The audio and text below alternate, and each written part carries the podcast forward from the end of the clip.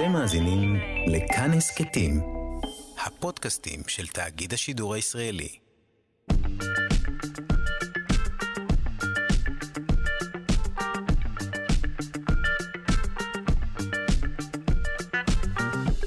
שלושה שיודעים.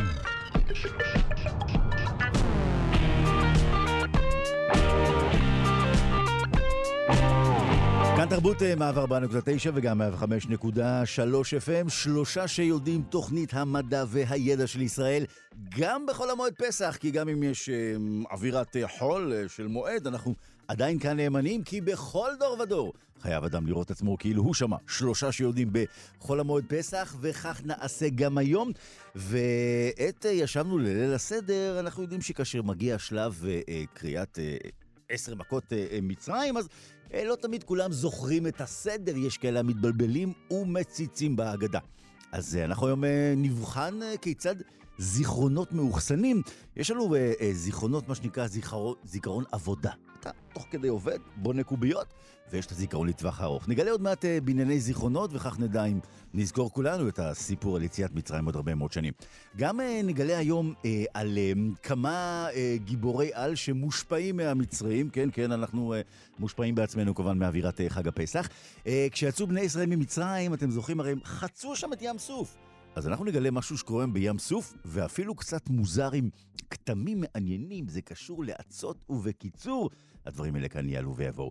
אה, גם אה, נשמח אה, לפרגן לכמה וכמה ישראלים מצליחים, ודבר שמדאיג את כולנו, האם ידעתם כאשר אתם בשיחות וידאו לוחצים על מיוט, האם ידעתם שעדיין ממשיכים להקליט אתכם? Mm. גם שיחה מדאיגה כזאת תהיה לנו. אז אנחנו יוצאים לדרכנו כנגד ארבעה בנים דיברה תורה. אחד, עורך, הלו רז חסון לחסון, אחד, שהוא בכלל אחת, הלוא יהיה אלכס, אלכסנדרה לויקר מפיקתנו, אחד הוא מלך כפתורי הרדיו, די.ג'יי אלון מקלר, ואחד שאינו יודע לשאול, אבל ממשיך לנסות, מקווה שיצליח. כאן באולפן נתיב רובינזון, שלושה שיודעים באווירת הפסח וחול המועד. אנחנו מתחילים.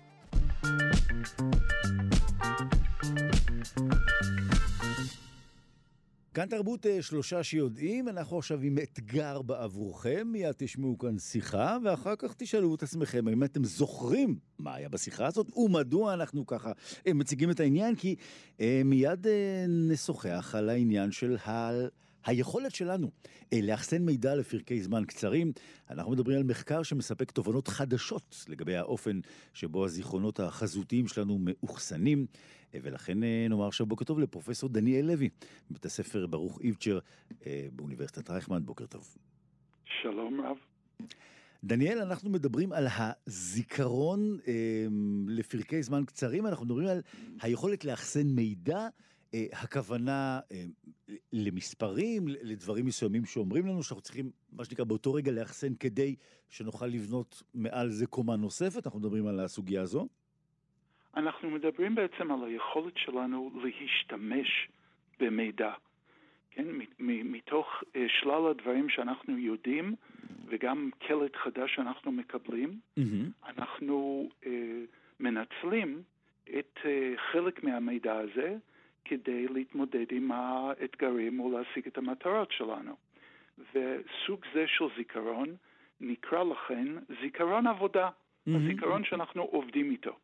המידע שהוא במצב פעיל שמאפשר לנו לעשות איתו אה, שימוש לפעילות קוגניטיבית אה, נוספת. כלומר, זה כמו אה, הנתון שכרגע פתוח לנו על המסך מול המחשב, במרכאות, שכרגע אנחנו עובדים איתו כי אנחנו מבצעים איתו משהו.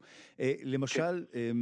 אם עכשיו נגיד מישהו אומר איזשהו מספר לדוגמה, או איזשהו קלט קצר, אז אנחנו מיד צריכים לקודד אותו אצלנו בראש כדי שמיד עוד רגע נשתמש בו? כן, וזה תהליך פעיל, אז לא רק שאומרים לנו מספר ואנחנו אה, נרצה להגיד אותו, אלא נגיד שאנחנו עושים בראש אה, פעולת חשבון מורכבת, mm-hmm. להכפיל 23 אה, ב-17. אוקיי. אז יש כל מיני uh, תוצרי ביניים לפני שאנחנו מגיעים לתשובה הסופית, mm-hmm. ואת כל המידע הזה אנחנו מחזיקים באופן פעיל.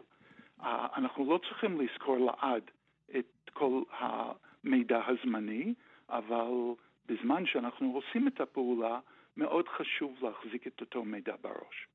אנחנו מדברים אה, על מחקר חדש, כלומר, במשך שנים, אה, מה כן חשבו לגבי הייצוגים העצביים ש, שתומכים באותו זיכרון עבודה שאתה כאן מתאר לנו?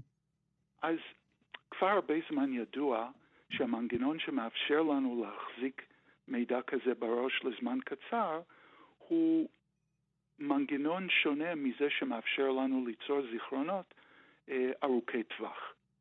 פה מדובר בתשתית מוחית אחרת, גם אנשים שיש להם אה, קושי רב בזכירה לאורך זמן, mm-hmm. אה, לא בגלל דמנציה, אלא בגלל בעיות אחרות, אה, כן מצליחים להחזיק בראש לפרקי זמן קצרים מידע כזה. והדעה הרווחת הייתה שכאשר אנחנו עושים את זה, אנחנו פשוט לוקחים את הקלט החושי שהגיע אלינו, mm-hmm. תמונה שראינו, אה, רשימת מספרים, זו הדוגמה שאתה נתת. כן. את המשפט האחרון שמישהו אמר לנו. יש לנו יכולת uh, מדהימה שמישהו אומר משפט, אז אנחנו יכולים לפרק זמן קצר להגיד בדיוק את המשפט הזה האחרון, מילה במילה אפילו, mm-hmm. אבל תוך זמן קצר זה נעלם לנו. אז היה נהוג לחשוב שאנחנו פשוט מהדהדים את הקלט החושי הזה mm-hmm. באמצעות uh, שיתוף פעולה מאוד מעניין בין החלק האחורי של קליפת המוח, שהוא החלק החושי יותר, הסנסורי, כן. ובניהול החלק הקדמי של המוח, שהוא הבוס, כן? שהמושב שה, של התפקוד כן. הניהולי. כן. איך נערך המחקר? איך, איך בדקו את זה בעצם, אה, מה שקרה בפועל? אז um, המחקר הזה שנעשה על ידי קלייט, קרטיס קלייטון באוניברסיטת ניו יורק, בעצם uh, מדד את uh, האוף, או בוא נגיד, אפיין את הפעילות המוחית בזמן שאנשים התבקשו לזכור מאפיינים מסוימים של איזושהי תצוגה גרפית. כאשר היו מידעים שונים עם מכנה משותף. אז מדובר או בזווית של אה, קווים באיזשהו דפוס מורכב, mm-hmm. או תנועה של אה, נקודות על מסך לכיוון מסוים, כאשר המכנה המשותף היה שיש אלמנט של כיווניות. אבל okay. אוקיי. מדובר בכיווניות בייצוגים מאוד שונים אחד מהשני. אז אם תיאוריית ההדהוד נכונה. לא היינו רואים בדיוק אותה פעילות בכיוון של קו סטטי אה, על מסך לצורך העניין, mm-hmm. לעומת תנועה פעילה של, נגיד, של הנקודות. כן. ומה שהם מצאו זה, כך אנחנו אה, אה, אה, לא שומרים את, ה, את המידע, אנחנו לא מהדהדים באופן פשוט את הייצוג שקלטנו ברמה התפיסתית, אלא אנחנו מתרגמים את הדברים לייצוג שמאפשר לנו לעשות את מה שאנחנו רוצים לעשות עם המידע. כי המשתתפים במחקר היו צריכים לדווח על הכיווניות, ולכ, ולכן הם התעלמו מכל המאפיינים של הייצוג שלא היה רלוונטי למטלה שלהם, ושמרו בהדהוד המוחי רק את המרכיב הרלוונטי למטלה שהם התבקשו לבצע. אז אנחנו יכולים בעצם לומר שהזיכרון החזותי שלנו הוא גמיש? הוא, אנחנו יכולים להפוך אותו לגמיש, כן? אצל uh, אנשים שמצליחים במשימות כאלה, mm-hmm. הם בוחרים את המאפיין הרלוונטי, מחזיקים אותו בזיכרון עבודה, ונותנים לכל המרכיבים הלא רלוונטיים לדעוך, וזה כמובן מאוד יעיל, כי אז במקום לזכור, ב, ב, לשמור בראש, כן, לזכור את כל פרטי המידע אודות מה שראינו או שמענו, mm-hmm. אנחנו בוחרים רק מה שחשוב לנו, וכל השאר יכול אה, להיעלם. כאשר אנחנו מנסים לזכור דברים, אנחנו נותנים להם אה, כמו נאמר צלילים בראש, אמ, אנחנו שומעים את זה, כמו שהזכרת קודם, את, את ההדהוד הזה, אבל אני, אני, אני שוב אחזור ברשותך ל, ל, לספרות, כי זה, אני חושב שיהיה קל לכולנו להבין. הרי ישנם אנשים שנגיד לוקחים אה, מספר מסוים, זוכרים אותו בזוגות, אחרים זוכרים אותו בשלשות, מישהו יגיד 848 ומישהו יגיד 84, 844, זאת אומרת... כל אחד בעצם, הם, המבנה הזה, אותו אחסון אצלו, הוא, הוא, הוא שונה והוא מקל עליו לפי איך שזה נשמע לו בצליל? אמ, זה אכן יכול להיות שונה בין, בין אנשים, mm-hmm. אבל הדוגמה שנתת הוא, הוא דוגמה של ההדהוד הפשוט. כן. כן, שאנחנו משתמשים באופי הקולי של הספרות, וזאת דרך מאוד יעילה לשמור רצף ספרות בראש. אז אם מישהו אומר לנו איזשהו קוד אה, של, של אה, אה, כרטיס אשראי או, או, או mm-hmm. מספר טלפון, שזה ארוך כן. יותר, זאת דרך קלה. אבל זה לא מחייב שום אה, אה, אה, תחכום. אנחנו לא צריכים לחלץ את המידע החשוב, אנחנו פשוט משמרים את הדברים כפי שהם. ויש לנו את היכולת לעשות את זה ב, אה, עם חומר חזותי, mm-hmm. תמונות. יש לנו, כמו שאתה אה, הסברת, את היכולת לעשות את זה עם ספרות. כן. במעבדה שלי אנחנו חוקרים את היכולת שלנו לעשות את זה עם חוש המישוש, עם מרקמים שנגענו בהם. אה, דבר שלא נבדק בעבר, זה מאוד מסקרן אותנו. אבל במחקר החדש הם כאילו עלו קומה. הם אמרו, מה קורה כשאנחנו לא רוצים לעשות התהוד פשוט? Mm-hmm. מה קורה כשאנחנו רוצים לשים את הדגש על מה שהכי יעזור לנו לבצע את המשימה ש- ש- שמעניינת אותנו.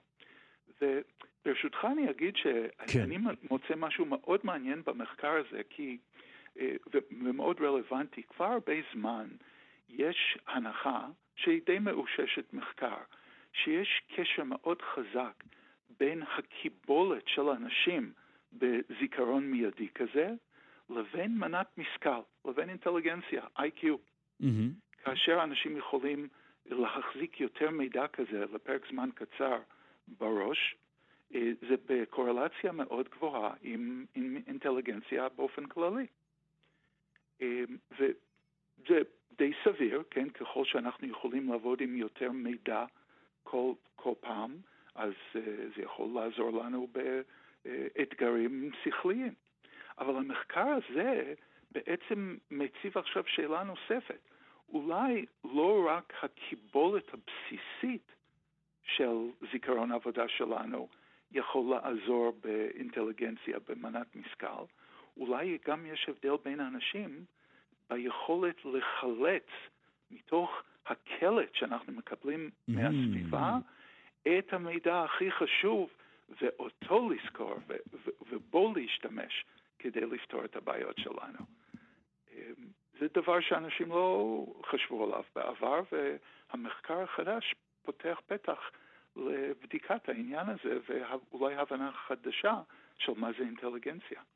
אז הנה מחקר שמספק תובנות חדשות, וכפי שאתה כאן גם אומר לנו, גם פותח אפשרויות אה, חדשות עוד יותר אה, כדי להבין את הנושאים הקשורים לאינטליגנציה הזו. אה, אני אומר לך שאנחנו את השיחה הזו, אני מקווה, נזכור כולנו לעוד הרבה זמן. אה, כי הייתה בהחלט אה, מעניינת. פרופסור דניאל לוי, בית הספר ברוך איבצ'ר לפסיכולוגיה, אוניברסיטת רייכמן, תודה רבה. בוקר טוב. Música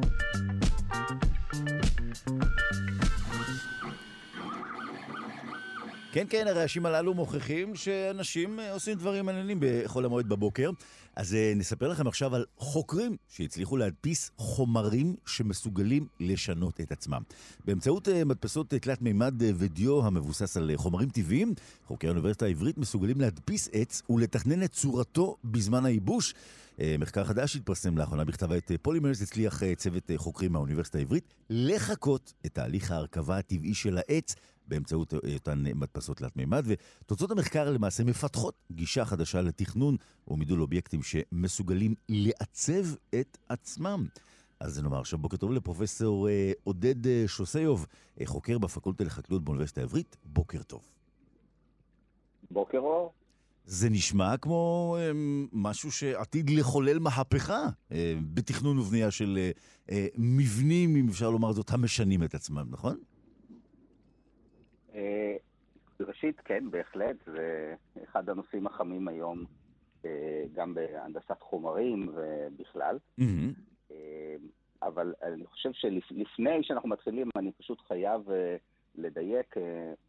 המחקר נעשה לא רק במעבדה שלי, אלא גם במעבדה של פרופסור שלמה מקדסי ופרופסור ערן שרון מהעברית, תלמידים שעשו את זה, זה דורון קאם, דוקטורנט ו... ועידו לוין, נכון? עידו לוין, נכון. הנה, עשינו סדר, כולם קיבלו ככה את הקרדיט הראוי, כי זה בהחלט, בהחלט נכון. חשוב.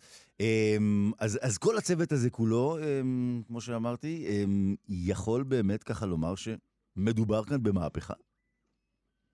אה, בהחלט, המהפכה למעשה היא בכך שאנחנו היום מבינים יותר אה, כיצד אה, למעשה עץ נוצר בטבע, אה, מהם המרכיבים הקריטיים כדי לייצר אותו, לתת לו את התכונות המכניות שלו, אבל יותר מזה, בעצם אנחנו היום מבינים טוב יותר את התופעה הזו שכולנו מכירים כשאנחנו לוקחים למשל לוח של עץ ושמים אותו בשמש, mm-hmm. ופתאום הוא מתחיל להתעוות. נכון. הוא מתעוות לכל מיני כיוונים. אה, לא תמיד רצויים לנו. אלא אם אתה אה, אומן שמחפש, אה, אתה יודע, לעשות משהו מקורי, שהשולחן שלך ייראה פתאום כמו, כן, רקדנית. נכון. רוקדן. נכון. רוקד. לבנייה זה לא יעזור, כן. נכון, ובדרך כלל דווקא מחפשים משהו קצת יותר מוגדר ויותר פונקציונלי. והיום ההבנה שלנו, של התופעה הזאת, למעשה מאפשרת לנו לתכנן מראש את צורת העיוות.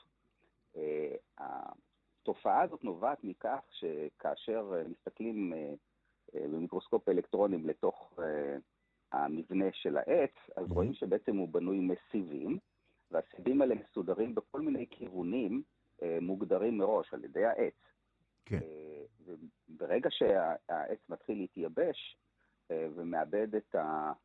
הוא מתחיל לאבד מהנפח שלו, עיבוד הנפח לא שווה בכל הממדים, והוא נובע מהסידור של הסיבים. עכשיו, מאותו רגע שאנחנו מבינים את התופעה הזאת, אה, ניתן אה, באמצעות אה, מחשב לעשות סימולציה mm-hmm. של מה צריך, איך, איך צריכים להיות כיוון הסיבים והמיקום שלהם במרחב, כדי שכאשר העץ יתחיל להתייבש, הוא יתעוות לצורה שאנחנו רוצים.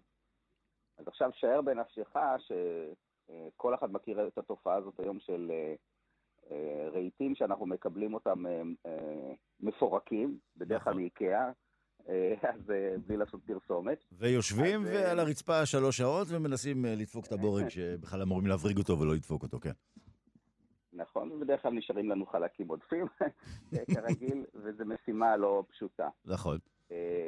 עכשיו, אגב, הסיבה לכך היא סיבה מאוד, אה, אה, ש, ש, שעושים את זה בצורה כזאת, היא כדי לחסוך בכסף, כי אם אנחנו נשנה ריהוט מוכן, נשנה בעיקר אוויר. אה, אבל שער בנפשך שאתה יכול לקבל אליך הביתה אותו לוח, אבל הלוח הזה הוא עדיין לח, mm-hmm. וברגע שאתה פותח את השקית, אתה יושב בצד ואתה רואה איך שהוא לנגד עיניך... מתחיל לקבל את הצורה שלו? לקבל את הצורה שלו לרהיט שאותו בחרת. וואו, לא, זה, זה מדהים. וואו. זה, זה... צריך לומר, צריך קודם כל לומר, אנחנו עדיין כמובן לא... זה מדע בדיוני אמיתי, זה מדהים, כן. אה, אבל זה, אנחנו בהחלט בכיוון. כלומר, אנחנו היום, אה, בעבודת המחקר הזו שהתפרסמה, אה, הראינו שאחד, אנחנו מסוגלים למדל על המחשב, לתת פקודה למדפסת, להדפיס אה, בזוויות, בכיוונים, בקצב, אה, את הסיבים של כל המרכיבים, כאשר mm-hmm. חשוב להדגיש שכל המרכיבים שאנחנו מדפיסים אותם, הם כולם מקורם מהעץ. כלומר, יש לנו שום תוסף אה, סינתטי. הכל נובע מעץ. ועודד, ישנה משמעות גם לדיו הספציפי הזה? חד משמעית, כי מדובר על דיו, במרכאות או לא במרכאות, שהוא אה, בר קיימא. אנחנו למעשה מפיקים אותו בעיקר מגזם, שהעיריות זורקות אותו לאתרי הטמנה, mm-hmm. או שאריות של עץ, ולמעשה זה מרכיב נוסף שהוא מרכיב קריטי במערכת שנקרא ה-CNC, או ה-Cellulose Nano זה סיבים ננומטרים של תאית, שבעצם במחקר קודם פיתחנו את הטכנולוגיה לייצר אותו, אלה הסיבים הקריסטליים הננומטרים הבסיסיים שמהם בנוי העץ, וכל אלה בעצם מאפשרים לנו למעשה לייצר דיו שמשחזר עץ. איך בעצם מבחינה, אה, מה שנקרא, טכנית, אתה באמת, כמו שאתה אומר, אנחנו נקבל את האריזה בבית, אה, נשב על הספה, נכין כוס קפה, נפתח אותה ונראה איך אה, העץ הזה הופך פתאום לאותה כוננית ש, שביקשנו. איך אנחנו, מצליחים, מה שנקרא, אתם מצליחים לשכנע את העץ לעשות את זה? מה, מה, מה צריך להגיד לו שם כדי שידע שהוא צריך להיות כוננית ולא שולחן? אז למעשה כל מה שצריך אה, אה, לומר לו או אה, לבצע עליו זה, mm-hmm. אחד, להבין אה, באיזה זווית ובאיזה מיקום במרחב התלת-ממדי אה, אנחנו מניחים את הסיבים האלו של העץ, אותם סיבים בסיסיים של הדיו, אה, ובאיזה כיוון. וברגע שאנחנו עושים את זה בצורה מתוכננת, העץ למעשה יתעוות לצורה שאותה אנחנו רוצים. שמע, אני רוצה לומר לך שמצד אחד זה מדהים, מצד שני שברת את ליבם של כל אלה שאוהבים לקבל, אתה יודע, את החלקים ולהרגיש ככה גדולים שהם מרכיבים את זה בסלון ומספרים, אני הצלחתי להרכיב לבד את קולנית הטלוויזיה. אז להם לקחת את הכיף, אבל אני רוצה לומר לך שאתה מתאר לנו את זה, אתה יודע, רק לדמיין את זה, זה באמת בהחלט דבר מדהים. אה, חומר שמסוגל לשנות את עצמו. אה, והזכרת כאן באמת את אה, רשימת הקרדיטים המכובדה, אה, שכמו שאמרנו, גם פרופסור שלמה, אמרת מקדסי מהמכון לכימיה, וגם הדוקטורנטים דורון קם ועידו לוין, וכמובן אתה, פרופסור עודד שוסיוב. אנחנו רוצים מאוד להודות לך, חוקר בפקולטה לחקלאות באוניברסיטה העברית. תודה רבה, ונתת לנו עכשיו הרבה דברים לדמיין אותם. איזה כיף. תודה. תודה רבה, יום טוב.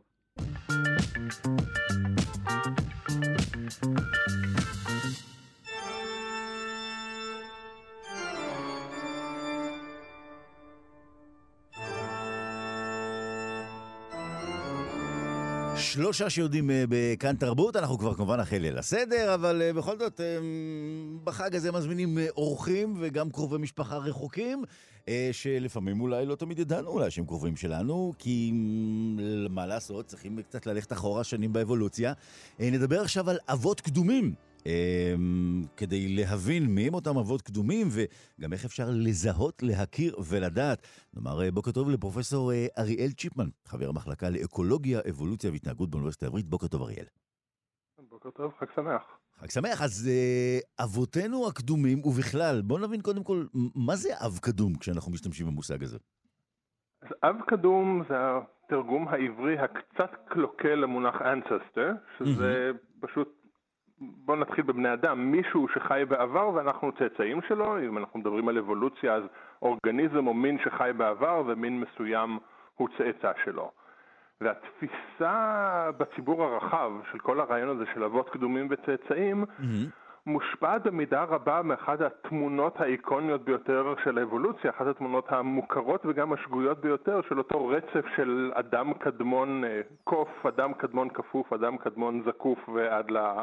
לאדם המודרני, ובדרך כלל יש בדיחה בתמונה האחרונה. שבסוף הוא יושב ליד המחשב, כן.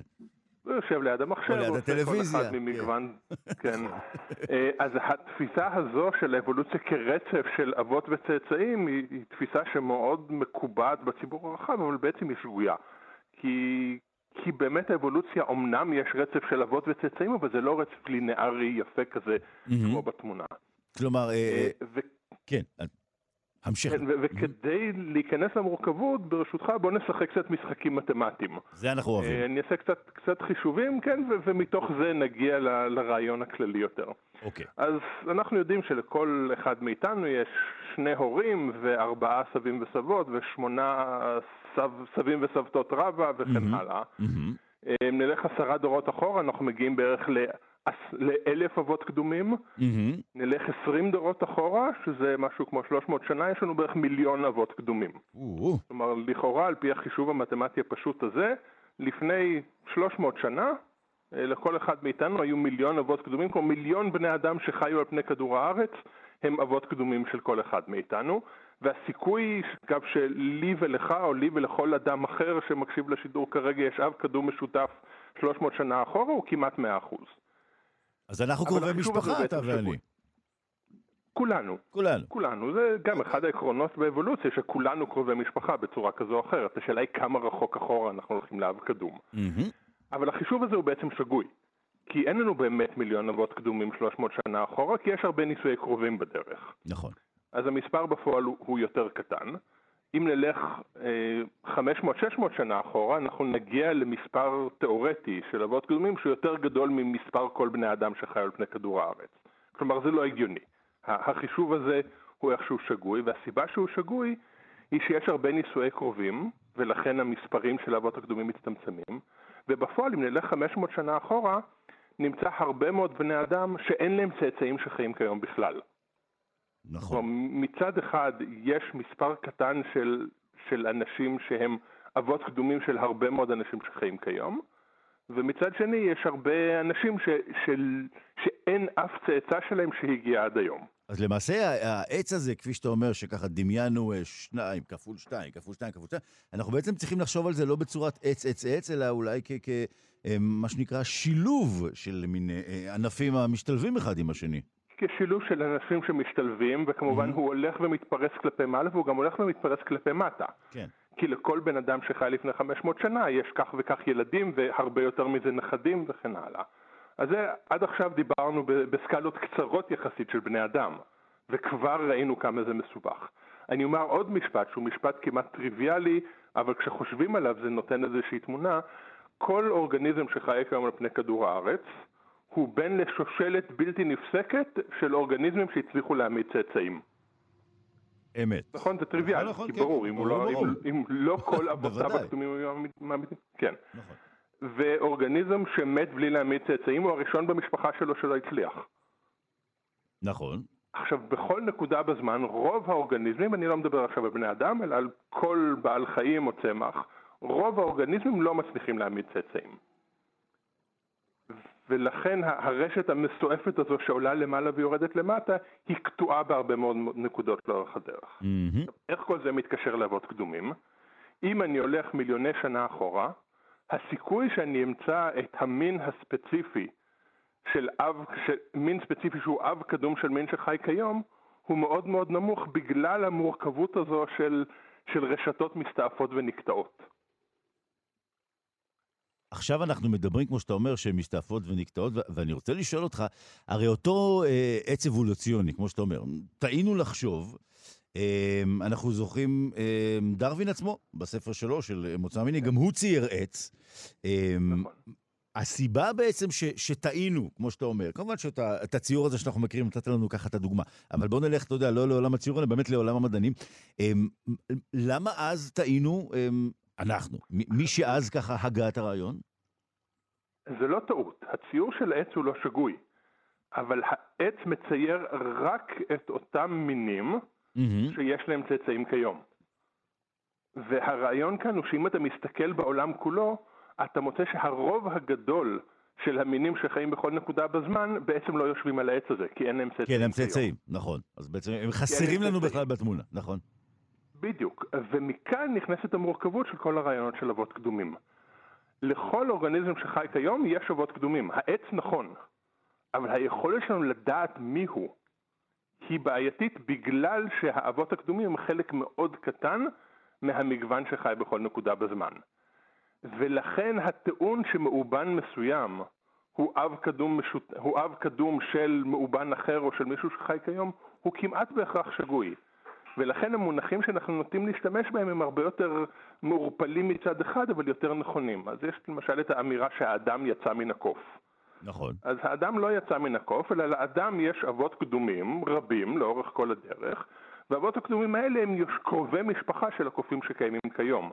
או אנחנו יכולים לומר שיש לנו אב קדום משותף עם הקוף. אז, אז ה, מה שאני מנסה להגיע אליו זה שההסתכלות שה, של אבות קדומים וצאצאים כאיזשהו רצף לינארי היא הסתכלות, שמסת... היא הסתכלות חלקית כי היא מפספסת חלק גדול מן המגוון ומן התמונה הרחבה. כלומר, אה, כפי שתיארת, אה, אה, מה שנקרא, את המסע מהקוף לאדם, יש פה מין סוג של התמיינות של מינים, נכון? כאילו בעצם נוצרים מינים חדשים בדרך תוך כדי, ו... רובם הגדול נכחדים. כן. וחלק קטן מהם הם אלה שהם אבות קדומים בפועל של מי שחי כיום. ולכן הציור הזה של הרצף של, של אדם קדמון וכולי, מצייר רק חלק מהתמונה, כי אותו אדם קדמון שמופיע בתמונה הזו, הוא אחד ממגוון מינים רבים שחיו באותה תקופה, שרובם לא העמידו צאצאים שהגיעו עד היום. לכן הסיכוי שבאמת מאובן מסוים, נחזור לבני אדם, mm-hmm. שמאובן מסוים שאנחנו מוצאים באפריקה וכולם אומרים הנה מצאנו אב קדום חדש של בני אדם, כן. סביר להניח שאותו מאובן ספציפי הוא דווקא לא אב קדום שלנו, אלא שהוא קרוב משפחה של מישהו שהוא כן אב קדום שלנו, ולא מצאנו אף פעם את המאובן שלו. אגב, למרות שכפי שאתה אומר, אנחנו מבינים את ההסבר, ומן הסתם אתה ואנשי המדע כבר יודעים, עדיין אבל כאשר יימצאו מאובנים בכל פעם מחדש, אתה יודע, אנחנו נשמע את הכותרות הללו, נמצא עם, עם כל ההסבר, למרות שברציונל אנחנו כבר מבינים שאולי זה ממש לא נכון. נכון, כי זה מוכר עיתונים. מוכר עיתונים או, כן, או כן, מעלה כן. רייטינג. כן. תמיד ההכרזות האלה שאתה שומע בתקשורת, הן הכרזות מוגזמות וצריך לקחת אותן עם גרגר לא קטן של מלח. אז כן, ימצאו בשנה הבאה, אני יכול להבטיח לך שימצאו עוד מאובן חדש של איזשהו אה, קרוב משפחה קדום של האדם ויגידו הנה מצאנו את האב המשות... הקדום המוכר, העתיק ביותר, הגדול ביותר, הרחוק ביותר. סטטיסטית, mm-hmm. סביר שאותו מאובן שימצאו לא באמת אב ישיר של בני אדם בגלל כל אותה מורכבות שדיברתי עליה. ועדיין אתה אומר, אריאל, היו לנו מוכנים עוד שבוע, שבועיים, שלושה, כותרת בעיתון, נמצא מאובן, אב קדמון.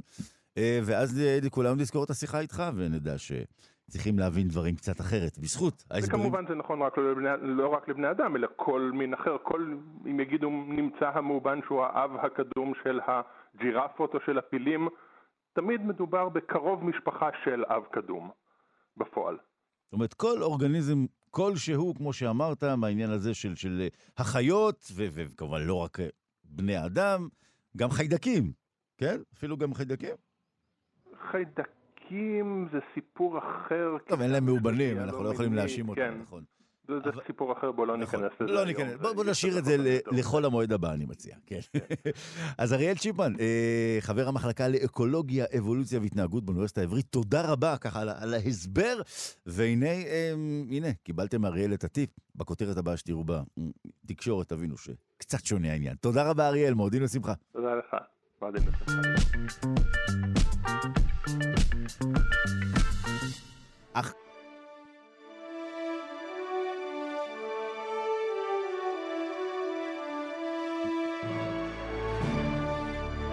ועכשיו אה, כבוד גדול, אנחנו רוצים עכשיו מיד לומר שלום לחוקר ישראלי שנמצא ברשימת אה, מאה המשפיעים בעולם מבחינת אה, פעילותו המדעית. אז uh, נדבר מיד עם פרופסור דורון אורבך, שהוא uh, חוקר במחלקה לכימיה באוניברסיטת בר אילן, חבר באקדמיה האירופית, עמית באגודה לחקר החומרים, עוסק בעיקר בכימיה אורגנית, יון וחמצן, ומחקריו העיקריים נוגעים לאלקטרוכימיה, כימיה אנאורגנית, אלקטרוליט, אלקטרודה וליתיום. Uh, בוקר טוב, פרופסור אורבך. בוקר טוב לכל המאזינים, ולך כמובן. אז קודם כל תשמע ברכות להיות בין מאה המובילים אה, אתה יודע, לא רק נאמר לך מועדים לשמחה חגים מוזמנים לששון, אלא גם נאמר מזל טוב. אה, תודה רבה. אז אה, סבר אוזנינו, קודם כל שנבין, דירוג שכזה הוא נקבע על פי אה, מחקרים, פרסומים, אה, תגובות, אה, איך בעצם אה, אנחנו ככה יכולים אה, אה, להתבונן ברשימת המדענים המובילים? יש, מד... יש מדדים סטטיסטיים מקובלים. Mm-hmm. בהערכת אה, מדענים, על פי התפוקות המדעיות שלהם. מדובר אה, קודם כל בפרסומים, כן. בפרסומים אה, לשנה, וציטוטים, כמה מאמרים מצוטטים, וגם לגבי הציטוטים, יש סטטיסטיקות איך מסתכלים על, ה, על הציטוטים האלה, וכאן גם החשבון הוא חשבון שנתי, איך המדען מתקדם אה, משנה לשנה, אז סופרים את הציטוטים בשנה ו, ולאורך השנים, mm-hmm. וגם אה, מספר המאמרים שמצוטטים באופן אה, משמעותי. אז אמ, אתה, אתה מוזמן להסמיק. אה, אמ, אתה צוטטת 65,334 ציטוטים, אה, וזה מכניס אותך, כמו שאמרנו, לדירוג העולמי של 100 לא, המדענים. לא, זה במדד מסוים, יש מדד, מדדים יותר מחמיאים. כן. יש, יש כמה מדדים. Mm-hmm. מדד ידוע, מקובל, זה מה שקוראים גוגל סקולר. כן. ממש בכמעט כל המדענים בעולם, אה, יש עבורם אה, חשבון. Mm-hmm. אם אתה מקליד גוגל סקולר ושם המדען, אתה מקבל מיד אה, תמונה. ממש בלחיצת כפתור אתה רואה את התמונה, כמה המדען פרסם, מה התפוקות שלו, וכמה הוא צוטט ואיך הוא צוטט. יש מדד, מדד שנקרא H-Factor, וגם mm-hmm. הוא מתחלק uh, משנה מסוימת, ומדד uh, מצטבר. Uh, H-Factor זה בעצם uh, מספר המאמרים שצוטט הכי הרבה פעמים. Mm-hmm. זאת אומרת, נניח אם H-Factor, H-Factor 100, אומר שיש לך 100 מאמרים שצוטטו לפחות 100 פעמים. ו, וזה זה, זה מאוד משמעותי, כי זה מבטא עד כמה העבודה של מדען זה או אחר היא אכן חשובה. בוודאי, זאת אומרת, זה לא שכולם ציטטו ש... ממאמר אחד, אלא להפך, כמו שאתה אומר, ממאמרים רבים, ככה, כן. מגוון גדול של מאמרים. ואז יש את אותו מדד שנקרא H-Factor, שהוא מדד מצטבר, הוא נותן בעצם תמונה כוללת לאורך שנים עד כמה אה, מדען זה או אחר צבר עבודות משפיעות. אז יש מדד אחד שנקרא גוגל סקולר, mm-hmm. ובמדד הזה דווקא אני, אני מטייל על מעל 85 אלף פרסומים. וואו, זה ש... הרבה יותר מהנתונים פה של... בשולחן שלי, אצלך זה כן, יותר, נכון, נכון. נכון להיום, נכון להיום, אם, אם, אם לוחצים הבוקר, אני חושב שזה עומד על 85,715, אם זה לא השתנה בדקות האחרונות, כי זה משתנה כל הזמן. זה מדהים. אגב, העובדה... העובדה שאנחנו חיים... כן, אני אומר, אה, העובדה שאנחנו אה, אה, חיים גם בתקופה שבה, אתה יודע, אפשר לכמת את זה מלשון כמות בכזאת צורה, זה באמת מדהים. אני רוצה לקחת אותך, ברשותך, לאחת העבודות המצוטטות ביותר שלך, על אתגרים בפיתוח סוללות מתקדמות. סבר אוזנינו, ככה, מה מיוחד במחקר הזה, באמת, שהוא אחד המצוטטים שלך? מה בחנת שם?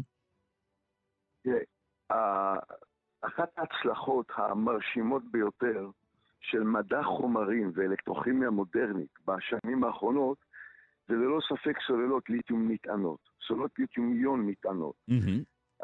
אתה מחזיק טלפון נייד, גם אני מחזיק טלפון נייד כרגע. נכון. וכולנו משתמשים בציוד אלקטרוני נייד, מחשבים, מצלמות. מדובר במיליארדים, מיליארדים של סוללות ליתיום נטענות שמיוצרות בשנה, מפוזרות בעולם, בכל רחבי העולם. Mm-hmm. כל סוללת uh, ליתיום יון שמזינה מחשב היא למעשה מבחינת כמות אנרגיה היא כמו רימון 26, מי שמכיר קצת את כל מיני uh, צעצועים צה"ליים. Mm-hmm. מדובר בכמות אנרגיה לא מבוטלת, ואף כן. על פי כן תנוע, אנחנו, uh, אנחנו מצליחים בעצם היום לספק uh, כמות אנרגיה ל- ליום עבודה על ידי טעינה של סוללת ליתיום יון. אה, ומדובר במערכות בטוחות מאוד. ועכשיו האתגר, אה, האתגר הבא הוא בעצם עכשיו הנאה חשמלית, אחרי הצלחה פנטסטית אה, באספקת אנרגיה mm-hmm. לציוד אלקטרוני נייד, הסעות ליצור ניתנות עכשיו נכנסות לרכבים חשמליים. כן, כן. Mm-hmm. למרות שמדובר בכמויות אדירות של אנרגיה, משהו שיכול להיות מאוד מסוכן, מצליחים לרסן את, ה, את המערכות האלה והן מספקות חשמל לפי הצורך ובצורה מאוד אמינה ויכולות להיטען אה, אפילו אלפי פעמים. הלוך וחזור, אה, היום אפשר להחליף את, ה, את, אה, אני חושב, את המכשירים עצמם עוד לפני שצריך להחליף את הסוללות. אז מדובר פה בהצלחה מאוד יפה, כי מדובר בחומרים מאוד בעייתיים. כל הנושא mm-hmm. של סוללות חשמליות עם, עם אנרגיה, עם כמות אנרגיה גבוהה, מדובר במערכות שהן לא יציבות, מעצם טבען. ככל כן. שמערכת מספקת יותר אנרגיה, היא פחות יציבה, היא יותר מסוכנת. זאת אומרת, אנחנו מקבלים, מדברים במערכות שאין בהן, בכל שנייה פעיל, פעילות שלהם אין בהן יציבות, mm-hmm. ובכל זאת מצליחים לייצב אותם על ידי, אה, אה, הייתי אומר, טיפולים מורכבים וכימיה מורכבת. Mm-hmm. אם ניקח למשל שאלת ליתיומיון, אז יש לנו אה, שני כתבים, יש לנו קוטב חיובי וקוטב שלילי. כן. הקוטב החיובי הוא תחמוצת של מתכת מעבר, נניח, אה, בואו ניקח את התחמוצת הנפוצה ביותר לשימוש במערכות אה, טלפונים ניידים, והתחמוצת של קובלט, אז אנחנו מצליחים לייצר תרכובות של ליתיום קובלט חמצן, הליתיום נמצא, המעטרת הפעילה, הליתיום נמצאת שם כבר בחומר החיובי, מה שקוראים בקתודה. ובקוטב השלילי... השלילי נקרא... ובקוטב השלילי יהיה תהליך החמצון בעצם? כן. לא, הקוטב השלילי הוא גרפית. גרפית זה מה שקוראים האנודה, והתהליך הראשוני הוא תהליך טעינה. אנחנו דוחפים בעצם אלקטרונים ויוני ליתיום לגרפית, והופכים את הגרפית לחומר מאוד מאוד פעיל. בעצם במקום להשתמש במתכת ליתיום שהיא מסוכנת יחסית, אנחנו משתמשים בתרכובת אה, ליתיום פחמן שהיא פחות אה, מסוכנת. כן. ועכשיו יש לנו, אה, אה, כשה, אחרי שטענו את המערכת, אז יש לנו בעצם את הקתודה שהיא החומר המחמצן, mm-hmm. ואת האנודה שהיא החומר המחזר, ובתהליך הפריקה, התהליך שבו אנחנו משתמשים בסוללה, יש לנו זרימה של יוני ליתיום מהגרפית מה, אה, חזרה אל התחמוצת, מכיסא מנדנדה, הלוך חזור, טעינה פריקה. וההפרש הזה, הלוך כן. חזור, mm-hmm. והאלקטרונים, האלקטרונים שמשלימים את התהליך, הם בעצם אה, הם זורמים מהקוטב השלילי לקוטב החיובי ומבצעים בדרך את העבודה.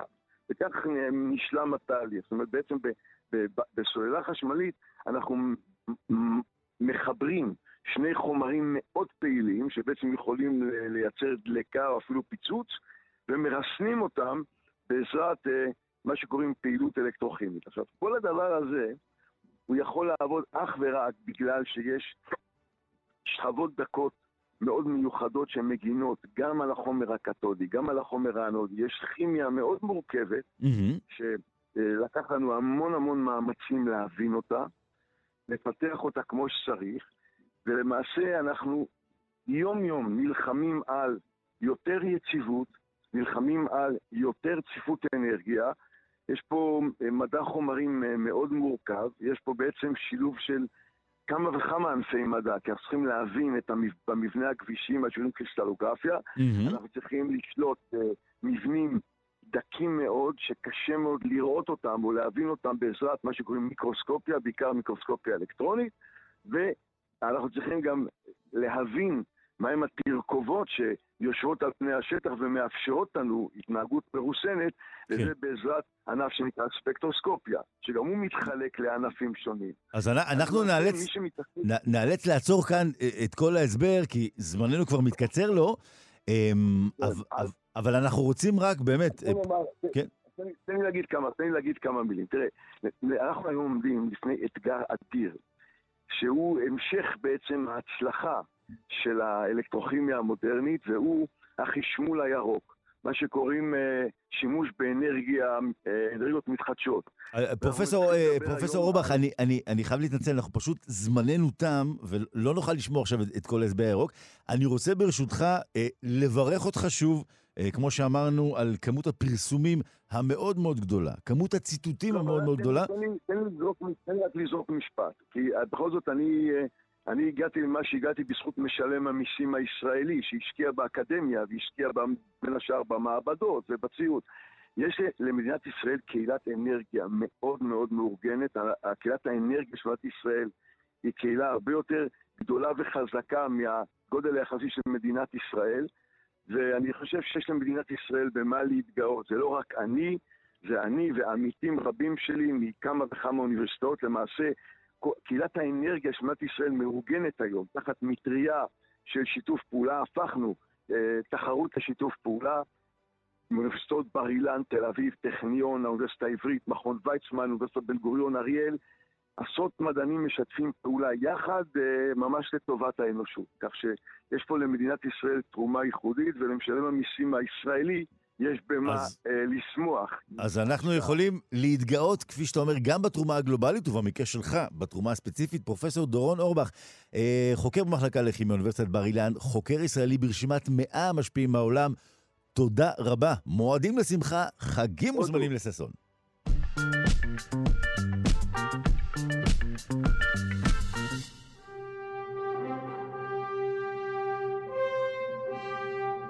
האם חשבתם שלא נדבר על uh, הקשר של הקומיקס והמצרים? אם יצאנו ממצרים, אולי החבר'ה מהקומיקס עוד נשארו שם. נאמר uh, בוקר טוב לאבנר מירב, פרשננו לענייני גיבורי על. בוקר טוב, אבנר. בוקר טוב, נתיב. אז יש לנו uh, מה שנקרא גיבורי קומיקס uh, עוד מימי מצרים? אה, האמת שאם אתה שואל ספציפית את השאלה הזו, אז התשובה היא כן. בכל מקרה כן, יש הרבה מאוד השפעות אה, מצריות אה, כמובן אפופות ברומנטיקה של הפרעונים. אומנם אצלנו בנרטיב היהודי-ישראלי הפרעונים והמצרים הם תמיד מלוהקים בתפקיד הנבלים, אבל uh, לאורך ההיסטוריה, אתה יודע, זו הייתה אימפריה, הפרעונית הייתה אימפריה מאוד מאוד uh, משפיעה ומעניינת ו- ו- ולא רק שלילית, בוא נאמר. Mm-hmm. ואנחנו, ממש בימים אלה, יש בדיסני פלוס, שירות, שירות הסטרימינג של דיסני, שעוד לא בארץ, יגיע לארץ בחודש הבא, אבל כבר עכשיו רצה שם סדרה שנקראת Moon Knight, אביר הירח, mm-hmm. שלמעשה הדמות שם מקבלת את כוחות העל שלה מהאל המצרי חונשו, אה, שזה אל הירח המצרי, ובאמת זה עוסקת המון בפנתיאון האלים הפרעוני אה, המצרי, אה, שזה מאוד מעניין, אבל זה, הוא בהחלט לא היחיד. אנחנו ראינו לא מעט השפעות של פרעונים ומיתולוגיה מצרית מחלחלת לתוך עולם הקומיקס, עולם גיבורי העל. אני חושב שהדמות אולי המפורסמת ביותר מבין חובבי הקומיקס היא הדמות אה, של עוזי מנדיאס. אה, עוזי מנדיאס זה השם היווני של פרעה רעמסוס השני, אותו אחד שאימלל אה, את אבות אבותינו במצרים. אבל בקומיקס עוזי מנדיאס הוא למעשה דווקא מישהו שמצטייר בהתחלה כמאוד מאוד מאוד חיובי, סוג של תעשייה. חיובי? אחרי מה שעשה לאבותינו במצרים? מה חיובי? כן. לא, לא, לא, לא הפרעון עצמו, אלא הדמות שלי. לא, ברור, ברור, כן. אה, כן, אגב, גם אה, בלי ספוילר לקומיקס משנת 87, אה, כן. הוא גם לא כל כך טוב בסופו של דבר. אה, אוקיי. אבל... אז הצדק נעשה, אתה אומר. הצדק ההיסטורי נעשה בסוף. כן. כן. הוא שואב השראה, גם, גם השם עוזי מנדיאס, הרי לא, זה לא השם המקורי של פרעה, זה שם שנלקח מלטינית, וזה שם שפורסם על ידי המשורר שלי. אה, פרסי שלי שכתב את ה... אני הוא אזימנדיוס מלך המלכים, אה, צפו במעשיי והתייאשו, אני מתרגם באופן חופשי, שבעצם מדבר על מישהו שנפל אה, מגדולתו ותהילתו ומוקף כרגע רק במדבר. אז בהקשר הזה זה, זה בעצם שם שנלקח באירוניה, שמצד אחד רואה את עצמו כשליט, מצד שני בסופו של דבר נדון לכישלון. אני רוצה לשאול אותך, אבל הם לוקחים מה שנקרא את הכוחות מהאלים המצריים ורותמים אותם לטובת כוחות הרשע או לטובת עזרה. מה, מה, מה בדיוק הם עושים עם הכוחות שהם מקבלים, החבר'ה האלה? אז בוא, כל אחד uh, לעניינו, אנחנו, uh, בוא נדבר על הדמות שדיברתי עליה בהתחלה, מונייט. Uh, כן. מונייט זה סיפור מאוד מאוד מעניין, כיוון שהוא בכלל נוצר בהתחלה כנבל של מישהו שהוא איש זאב. אז הירח, איש הירח מול איש הזאב זה סוג של חיבור רומנטי כזה, אבל במקרה שלו אחר כך עבר איזה שהם גלגולים ונהיה יותר גיבור, אה, גם סוג של אנטי גיבור, כיוון שיש לו המון התמודדויות אה, עם, עם דברים שהוא הוא לא, הוא בעצמו לא תמיד מבדיל בין מציאות לדמיון וכולי, אבל בגדול, אם אתה רוצה את הדיכוטומיה הזאת, הוא דווקא שייך לטובים. אה, אוקיי. אבל, אבל בשלב מסוים הוא שייך לטובים וקם על יוצרו, האל המצריכון שהוא, כי מבין שהוא דווקא שייך לרעים. אז זאת אומרת, יש לנו אומנם מי שמייצג או שגוזר את כוחותיו מהמצרים העתיקים הפרעונים הוא טוב, האויבים שלו הם האלים המצרים עצמם. אני חייב לשאול אותך, רק לסיום, כי זמננו תם לו, מונייט זה אומר שאת הכוחות שלו הוא מקבל מאור הירח?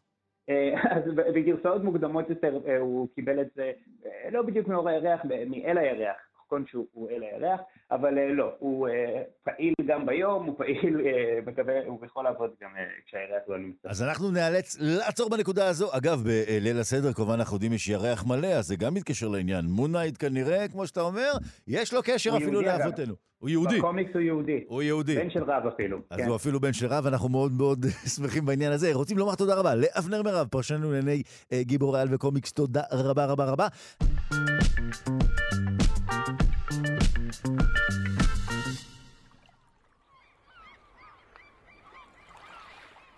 אפשר עכשיו לשיר שיר על השכפים שעל המזח והים, וככה לשבת ולחשוב על אה, אה, אה, אותו ים, ים סוף, שביציאת מצרים נקרא לו לכל עבר.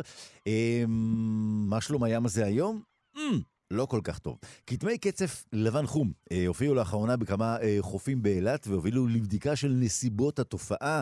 אה, מדעני המכון הביו-אוניברסיטאי באילת גילו שמדובר בפריחה של אצות מיקרוסקופיות המתרחשת בשל שילוב של התחממות הים וכניסת אה, חומרי דשן.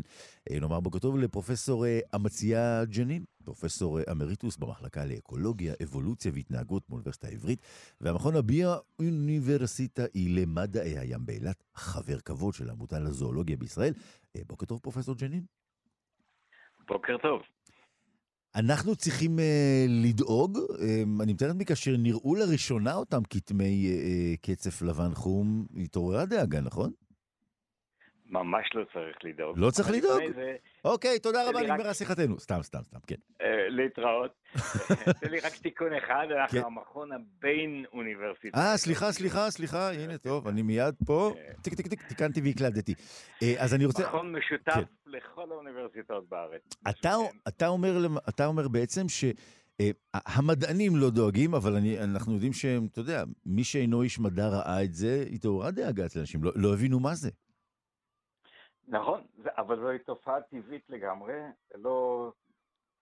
אין שום גורם שהוא תוצר שלנו, של האדם, שגרם למורקוס הזה, לריר הזה.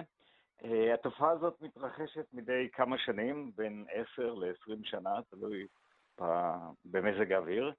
אה, והתופעה הזאת נובעת מכך שהמים, מה שלא תיארו לך, או אם היית בים, מה שלא שמת לב אולי, שהמים בתקופה שהריר הזה צף היו ירוקים, מה שלא קורה בדרך כלל במפרץ אילת, כי המים אצלנו הם כחולים. והמים הופכים להיות ירוקים כאשר הם מתמלאים באצות מיקרוסקופיות שאנחנו קוראים להם פיטופלנקטון. זאת אומרת, הים הופך להיות עמוס באותם יצורים שעושים פוטוסינתזה, הם אה, כמו צמחים ביבשה, והתופעה הזאת, אם יש לי חמש דקות, אני יכול להסביר מדוע היא קורית מדי כמה שנים. בוודאי, יש לך יותר מחמש דקות, יש לך את הזמן שלקח לעבור שם את ים סוף ביציאת מצרים, זה לדעתי כל הלילה הם הלכו שם.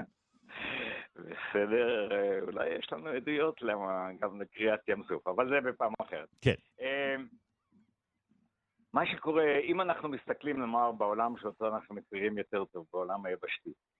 אנחנו צריכים לבחון מה הגורם המקביל לשפעה, לכמות של היצורים שעושים פוטוסינתזה, mm-hmm. במקרה של היבשה זה צמחים. איפה יש לנו בעולם יותר צמחים ואיפה יש לנו פחות? כמובן הגורם המקביל העיקרי זה מים. איפה שיש הרבה מים, יערות גשם וכולי, יש לנו המון צמחייה, ואיפה שאני גר באילת, מכיוון שאין לנו מים, הכל קרח, או נאמר מיעוט גדול של צמחייה. והגורם המקביל פה הוא ללא ספק מים. Mm-hmm. בים, מים לא מגבילים, יש לנו מלא מים. אז מה כן מגביל בים? כן.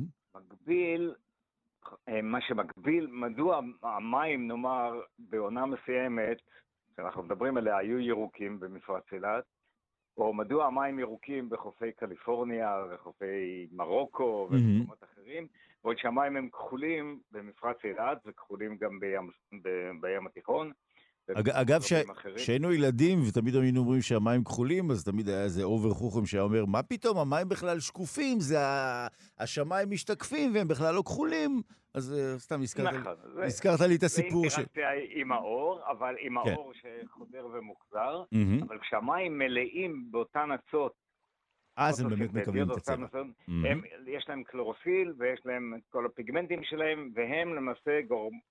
אה, האצות הללו גורמות, או הפיטופלנקטון, אותן אצות מיקרוסקופיות, גורמות להחזיר, לה, אה, להחזיר אור בגוון ירוק. Mm-hmm.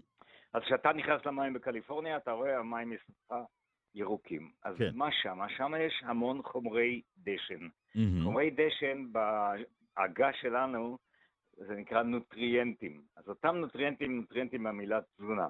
כן. אז אותם חומרי דשן, כמו שחקלאי רוצה יותר עגבניות בשדה, אז הוא מפזר חנקות וזרחות ואשלגן mm-hmm. וכל מה שיש. זה אותם חומרי דשן שגם האצות בים המיקרוסקופיות צריכות אותן, והן נמצאות בחסר ברוב הים מהסיבה הבאה. איפה יש לנו פוטוסינתזה בים? שלא כמו ביבשה שכולנו חיים על איזשהו קרום שנמצא למעלה ורואה את השמש, ביבשה, בים, האור הולך ונחלש ככל שמעמיקים. זאת אומרת, פוטוסינתזה או יצרנות ביולוגית, מתרחשת mm-hmm. במאה מטרים העליונים פה במפרץ אילת. כן. ישנם מקומות שבהם הים ירוק, שזה האור חודר פחות, אז נאמר בחמישים מטרים העליונים. עכשיו, באותו אזור, שאנחנו קוראים לו האזור השכבה המוארת, בשכבה המוארת כל חומרי הדשן נלקחים על ידי האצות הללו, על ידי האצות המיקרוסקופיות. כן. ונשאר קרוב לאפס, הריכוז שלהם במים הוא קרוב לאפס, ובכדי שהם יעשו פוטוסינתזה וייצרו יותר, צריך להביא להם את אותם, אותם חומרי דשן, את mm-hmm. ואיך זה ייתכן? איך מביאים להם?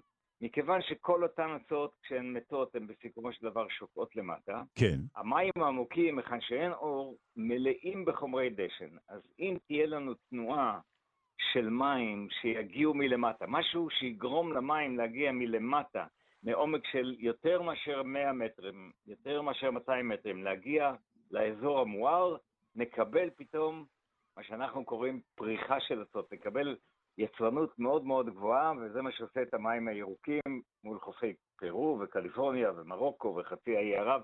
זאת אומרת, שם יש לנו תנועה של מים פיזיקלית שמביאה מים מלמטה. לא נלך למנגנונים ש...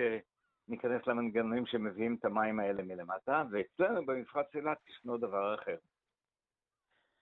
אצלנו הגורם שמביא מים מלמטה עם אותם חומרי דשן, וזה מה שגרם לריר ולמים להפוך להיות ירוקים ולכמות האדירה של מיקרואצות שהיו לנו במים, זה מים שהגיעו מלמטה, אבל בגלל ערבוב. מה זה mm. ערבוב? זה כמו שאתה לוקח כוס תה ומערבב את המים בתוך הכוס תה ומביא את המים מלמטה. למעלה, נכון. סוכר כן. למעלה, ככה גם זה קורה בים. איך זה קורה בים? אנחנו קוראים לזה ערבוב של קונבקציה. זאת אומרת, כשאנחנו מקררים את המים למעלה, הם הופכים להיות כבדים יותר, כי מים כבדים יותר, ככל שהם קרים הם כבדים יותר. עכשיו, בכל אוקיינוס שנלך בעולם, המים למעלה הם תמיד חמים יותר, כי השמש קופחת מלמעלה, מחממת אותם, נכון. ולכן יש לנו מצב שנקרא עמודת מים משוכבת. זאת אומרת, המים למעלה קלים, והמים למטה הם יותר קרים וכבדים. ולכן... זאת עוגת שכבות. אה, של אוקיינוס, זה ככה שוכב יפה. והש... והשכוב הזה לא נותן למים העמוקים שיש בהם המון חומרי דשן, לא נותן להם לעלות למעלה, לאזור המואר. אז למה, ולכן... למה במפרץ אילת כן? מה, מה שם דוחף אותם? או, אז עכשיו, מה שקורה במפרץ אילת, שמלכתחילה, השכוב הזה, ההבדל בטמפרטורה של המים למעלה לטמפרטורה של המים למטה, הוא מאוד מאוד קטן, ולא ניכנס לגורמים מדוע זה אה, קורה, אני רק אומר mm-hmm. משפט אחד, שזה הכל באשמת, במרכאות, מיצרי באבל מנדב. בבאבל מנדב יש לנו מיצרים מאוד רדודים, העומק שלהם 137 מטרים, והמיצרים האלה מהווים מחסום שלא נותן למים קרים להיכנס לים סוף. לים סוף וגם כמובן למפרץ אילת. ולכן ההפרש בין המים למעלה, שבקיץ הם מגיעים ל-29 מעלות, השנה כבר הגענו אפילו ל-31 באחד הימים, זאת אומרת הים הולך ומתחמם. ההפרש בין למעלה, נאמר, 28 מעלות, לבין המים שלמטה שהם 21 מעלות, זה 7 מעלות בלבד.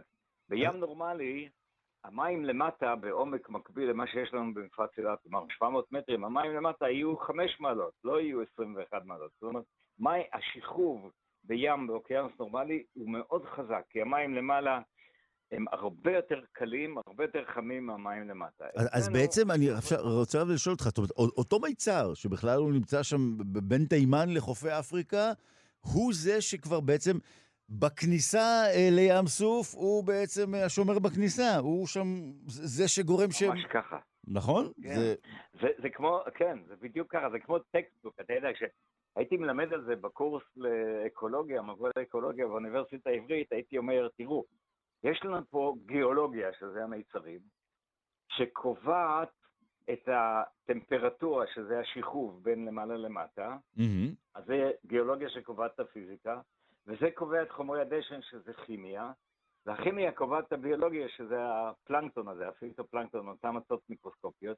אז כשאנחנו לוקחים גיאולוגיה ומחברים אותה לפיזיקה, ומחברים אותה לכימיה, ומחברים אותה לביולוגיה, מה אנחנו מקבלים? לדעתך? לדעתי אנחנו מקבלים שנגמר לנו הזמן לשיחה. אנחנו מקבלים אקולוגיה. לא, לא, ברור, אבל אני חייב לציין, כי זמננו נגמר ואנחנו ככה קצת חרגנו בזמן. אז רק אני כן. אציין אולי במשפט אחד. כן.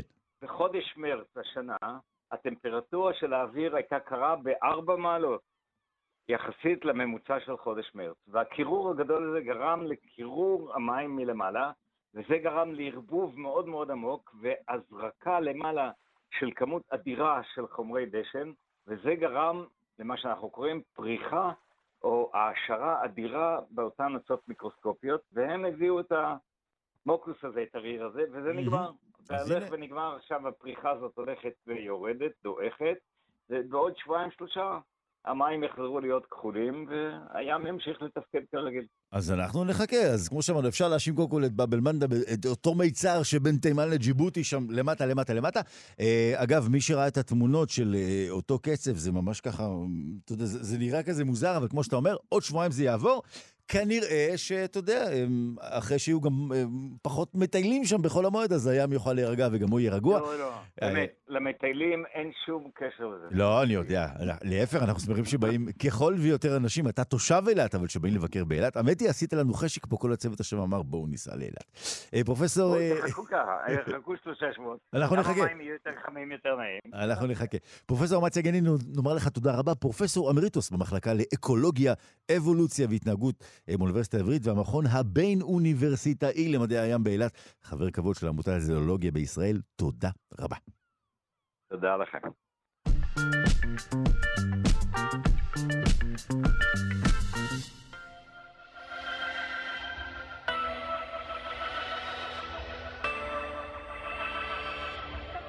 אז אם אתם אה, חושבים שהחוקרים באוניברסיטת סן פרנסיסקו אה, לקחו חופשה בימי חול המועד, אתם טועים. החבר'ה שם עובדים קשה, לא משנה מתי. אה, נדבר עכשיו על מחקר חדש שנערך בהובלת חוקרים באוניברסיטת סן פרנסיסקו. הוא מצביע על כך שאנשים מחוסנים עם היסטוריה של הפרעות נפשיות, כולל הפרעה דו-קוטבית, פסיכוזה, חרדה, יש סיכון מוגבר של 24% להידבק בקורונה. נאמר בוקר טוב לדוקטור נועה אלבלדה ממרכז סגול למוח ותודעה באוניברסיטת רייכמן. בוקר טוב, נועה. בוקר טוב, חג שמח. חג שמח. אז אמ, לא רק אה, לא עלינו אמ, נפלה אה, על אנשים שסובלים מהפרעות נפשיות, אתה יודע, הצהרות שכרוכות במחלה הזו, עכשיו גם יש להם סיכון מוגבר להידבק בקורונה? איך, אה, איך, איך זה מתחבר? כן, אז אני רק אגיד באמת שזה מעניין, כי כשאנחנו חושבים על אוכלוסיות בסיכון לקורונה, אנחנו חושבים על אוכלוסיות כמו אנשים מבוגרים, מעל גיל 60, אנשים שמעשנים, אנשים שיש להם... בעיות נשימה, לב, סוכרת, כן, כן, כל הדברים האלה. נכון, והנה גם אנשים באמת שסובלים מ... ממחלות פסיכיאטריות, המחקר הזה באמת uh, מראה שיש להם uh, סיכון מוגבר לחלות בקורונה, אני רק אגיד ספציפית, הם, הם לא בדקו באופן כללי את הסיכון לחלות בקורונה, אלא הם בדקו את הסיכון לפתח קורונה אה, בקרב אוכלוסיות שהתחסנו. כן. אה, והם בעצם אה, מדברים על שני הסברים אפשריים שיכולים להבהיר את, ה, את התופעה הזאת, וההסבר הראשון הוא הסבר שקשור למערכת החיסון. אה, אנחנו יודעים שאנשים שסובלים ממחלות פסיכיאטריות הרבה פעמים יש להם תפקוד ירוד של מערכת החיסון, Mm-hmm. ואז זה אומר שכשהם מתחסנים, האפקטיביות של החיסון היא יותר נמוכה, כי היכולת של מערכת החיסון לייצר נוגדנים יותר נמוכה, אז, אז העניין החיסוני פה הוא באמת, אה, הוא, הוא מעניין. Mhm. וההסבר השני זה הסבר שקשור יותר לאורח החיים שלהם, למשל שהרבה פעמים הם תלויים באנשים אחרים שיסעדו אותם, או שהם מאושפזים בכל מיני אה, בתי חולים פסיכיאטריים, ואז כמובן כל הנושא של הריחוק ולהיות במגע עם כמה שפחות אנשים הוא פחות רלוונטי. כן. ואז פשוט בג- בגלל ההתנהלות היומיומית שלהם הם יותר בסיכון. אגב, אה, אותם אה, חוקרים, אה, כפי שאת אומרת, הרי רוב הזמן באמת כאשר דיברו על קבוצות סיכון, דיברו על מחלות פיזיות, לא מחלות נפשיות. אתה יודע, תמיד אנחנו סקרנים לדעת מאיפה נולד הרעיון. זאת אומרת, הם, הם בדקו בעצם משהו שקודם אנחנו לא, לא ממש ככה נתנו עליו את דעתנו. אנחנו יודעים למה הם בכלל ככה קיבלו את הרעיון לבדוק את הזווית הזו? הם, הם בדקו את זה בעקבות איזשהו מחקר מקדים שהם עשו אה, בשנים האחרונות, ששם שם אני חושבת שהם הראו שבאופן כללי באמת הסיכון לפתח קורונה הוא גבוה יותר. הם בדקו את זה ספציפית לגבי אה, PTSD, אם אני זוכרת נכון, הפרעה פוסט-טראומטית, אהמ. ואז הם רצו בעצם לבוא ו... ולהרחיב את הממצאים, ואני גם אגיד שזה התאפשר להם בגלל שהיה להם באמת איזשהו database, איזשהו בסיס נתונים אה, מאוד מאוד גדול של אה, אנשים שפנו לקבל אה, תמיכה אה, פסיכיאטרית, הם עשו את המחקר הזה על יותר מרבע מיליון אה, אנשים. אה, וזה באמת, אה, זו, שאלה מעניינת, כי אני, אני אגיד שוב פעם, זה, זה בדרך כלל אוכלוסיות שפחות, ככה פחות נוטים עליהם את הדעת בהקשר של מחלות גופניות, מהמם. אבל צריך לקחת בחשבון שכשאתה חולה במחלה פסיכיאטרית, מחלה פסיכיאטרית בסופו של דבר משפיעה על המון המון תהליכים גופניים. בוודאי. אה, זה משהו שבשנים האחרונות קיבל הרבה מאוד אה, עניין מחקרי, דגש מחקרי, הקשרים האלה בין הגוף למוח, ואני אגיד אפילו בין הגוף לנפש. אה, ובאמת כל העניין הזה של מערכת החיסון, שהיום יש הרבה מאוד תיאוריות שאפילו מדברות על זה שבחלק מהמקרים מחלות פסיכיאטריות יכול להיות שמתחילות בכלל בתפקוד לקוי של מערכת החיסון, אז, אז, הדבר הזה יש לו גם ערך מבחינת... אז הכל אה, שם כרוך בעצם. כרוך זה בזה. נועה, אמרת שהיו שם מעל אה, רבע מיליון משתתפים, שזה זה באמת, זה, זה דאטה, זה כמות מטורפת. אה, יש שם משמעות לכמה גברים, כמה נשים? אז הם לא מצאו הבדלים בין גברים לנשים, הם כן מצאו הבדלים בין אוכלוסיות גיל, הם פילחו, בהתחלה הם עשו איזושהי, איזשהו ניתוח כללי של הנתונים, ואז הם פילחו את, ה, את הנתונים, למשל לפי גיל, הם בדקו מתחת לגיל 65 ומעל גיל 65.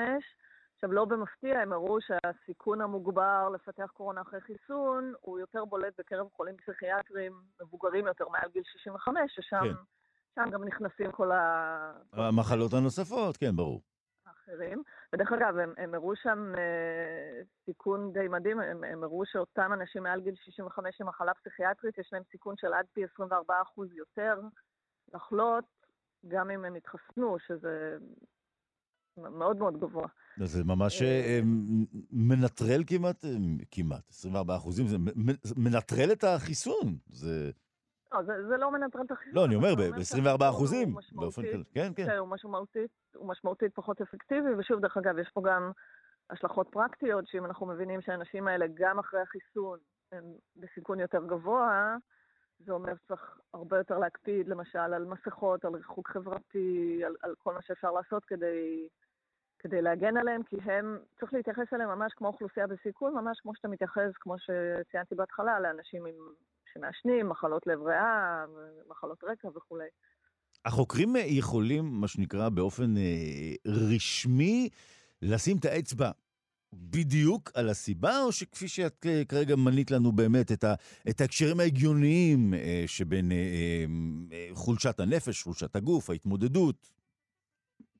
כן, תראה, זה, זה מה שנקרא מחקר uh, מתאמי. זאת אומרת, הם לא בדקו פה מנגנון או סיבתיות, הם רק הראו שיש איזשהו קשר סטטיסטי. השלב הבא הוא באמת לעשות איזשהו מחקר שמסתכל על, על מנגנון, למשל באמת לקחת אנשים עם מחלות פסיכיאטריות, לתת להם חיסון ולבדוק האם אכן העלייה בנוגדנים שמתקבלת אחרי החיסון היא יותר נמוכה לעומת אנשים בלי מחלות פסיכיאטריות, וזה יכול לחזק את ההסבר שקשור למערכת החיסון. אה, אז, אז זה דורש המשך ברור. הזכרת באמת את אה, אה, אותו, אותו מאגר של רבע מיליון איש. המאגר הזה, הוא קיים בארצות הברית, אנחנו מבינים, נכון? זאת אומרת, זה מבחינת מאגר מידע, זאת אומרת, הם, הם יוכלו עוד כמה שנים, המאגר הזה מן הסתם יגדל, ואז יוכלו לבצע את זה על סך אוכלוסייה גדול עוד הרבה יותר, נכון? זה מאגר שממשיך לצמוח as we speak. אנחנו, בסוף השיחה שלנו הוא כבר יהיה יותר גדול, לא? כן, זה, זה מאגר שממשיך אה, לגדול, זה מאגר של אנשים שפשוט פונים אה, לקבל שירותים מחברות של ביטוח רפואי וכולי, אז כל הנתונים האלה נשמרים. וזה עכשיו יתרון של מחקר בעולם המודרני, שיש לך היום הרבה מאוד בסיסי נתונים כאלה מאוד מאוד גדולים, שאתה יכול לעשות עליהם הרבה מאוד פילוחים מעניינים ולחפש כל מיני אה, קשרים מעניינים. יש שם ממש יוזמות מחקריות שמסתכלות על, על מאגרים כאלה, וזה משהו שמאפשר לנו באמת mm-hmm. יותר לסמוך על הנתונים כן. שלנו, כי זה לא מחקר שאתה עושה על 40 אנשים, אלא... ברור, ברור. פה באמת כבר על רבע מיליון איש, זה כבר כוח סטטיסטי שהוא הרבה יותר משמעותי. נו, אז אה, לסיום אה, שאלה לפרנואידים שבקהל. אה, מה, כל מי שפונה לכל מיני, אה, הזכרת, אה, ביטוח רפואי, פה, שם, זה, אז כולנו גולשים אחר כך מאגרים. אה, המאגרים האלה פתוחים בעצם לחוקרים באופן פתוח? אז אני אגיד, קודם כל כשאתה מצטרף למאגרים כאלה, בדרך כלל אתה חותם על מסמכים שבהם אתה מסכים או לא מסכים לשתף את הנתונים שלך. דרך אגב, גם קופות חולים פה בארץ יש להם כאלה בסיסי נתונים. כן, חשוב לי מאוד להגיד שכשחוקר מקבל את הנתונים האלה, הוא לא מקבל את התיק הרפואי האישי שלך עם ברור. השם שלך. השם שלך לא מופיע. הנתונים האלה עוברים כן. תהליך שנקרא, מה שנקרא אגרגציה, זאת אומרת, מנפים מהם את כל הפרטים המזהים, והחוקר מקבל את זה בצורה של אה, נתונים כלליים, שאפשר לעשות עליהם פילוחים, אבל אין שום דרך מתוך הנתונים האלה לדעת משהו אישי עליך או עליי. ואני רוצה להגיד שכן, לפעמים זה ככה מרגיש לנו קצת לא נעים שהנתונים האלה נאספים. אני אגיד פה שני דברים. א', אנשים באופן וולונטרי לחלוטין משתפים כל פרט ופרט בחיים שלהם בפייסבוק בלי לשים לב אפילו. זה גם נכון. אה, אז אתה יודע, זה לפעמים זה קצת מצחיק אותי. אז זאת אומרת, אז מה אתה מתלונן אחר כך? כולם ידעו שעליך אה, מחלה זו וזו כן, בתאריך זה וזה. כן, אני אומרת, אנחנו משתפים כל כך הרבה דברים ברשתות, ואני חושבת שפה זה הדבר השני שרציתי להגיד, הדבר הזה כל כך עוזר לקדם את המחקר ולקדם את המדע, ובסופו של דבר לפתח טיפולים רפואיים שתומכים בכולנו, אז אני אומרת, אני באופן אישי לגביי, כל אחד יעשה את ההחלטות שלו, אבל אני כן. באופן אישי זה דווקא מקום שבו אני ממש שמחה לתרום את הנתונים שלי, אתה יודע, כדי ש... אז הנה, אנחנו... ניקח דוגמה... אני צריך את הסיוע הרפואי, כן. אז אני אקבל אותו. אז ניקח דוגמה מדוקטור נועה אלבלדה וכל הפרנואידים שפה בקהל, תרגעו, תקשיבו לנועה והכל יהיה בסדר. אה, דוקטור נועה אלבלדה, ממרכז סגול למוח ותודעה באוניברסיטת אייכמן, כתמיד, תודה רבה, ואנחנו אה, מאחלים לך כמובן גם חג שמח. תודה, נועה. גם לכם, ושכולנו נשאר בריאים.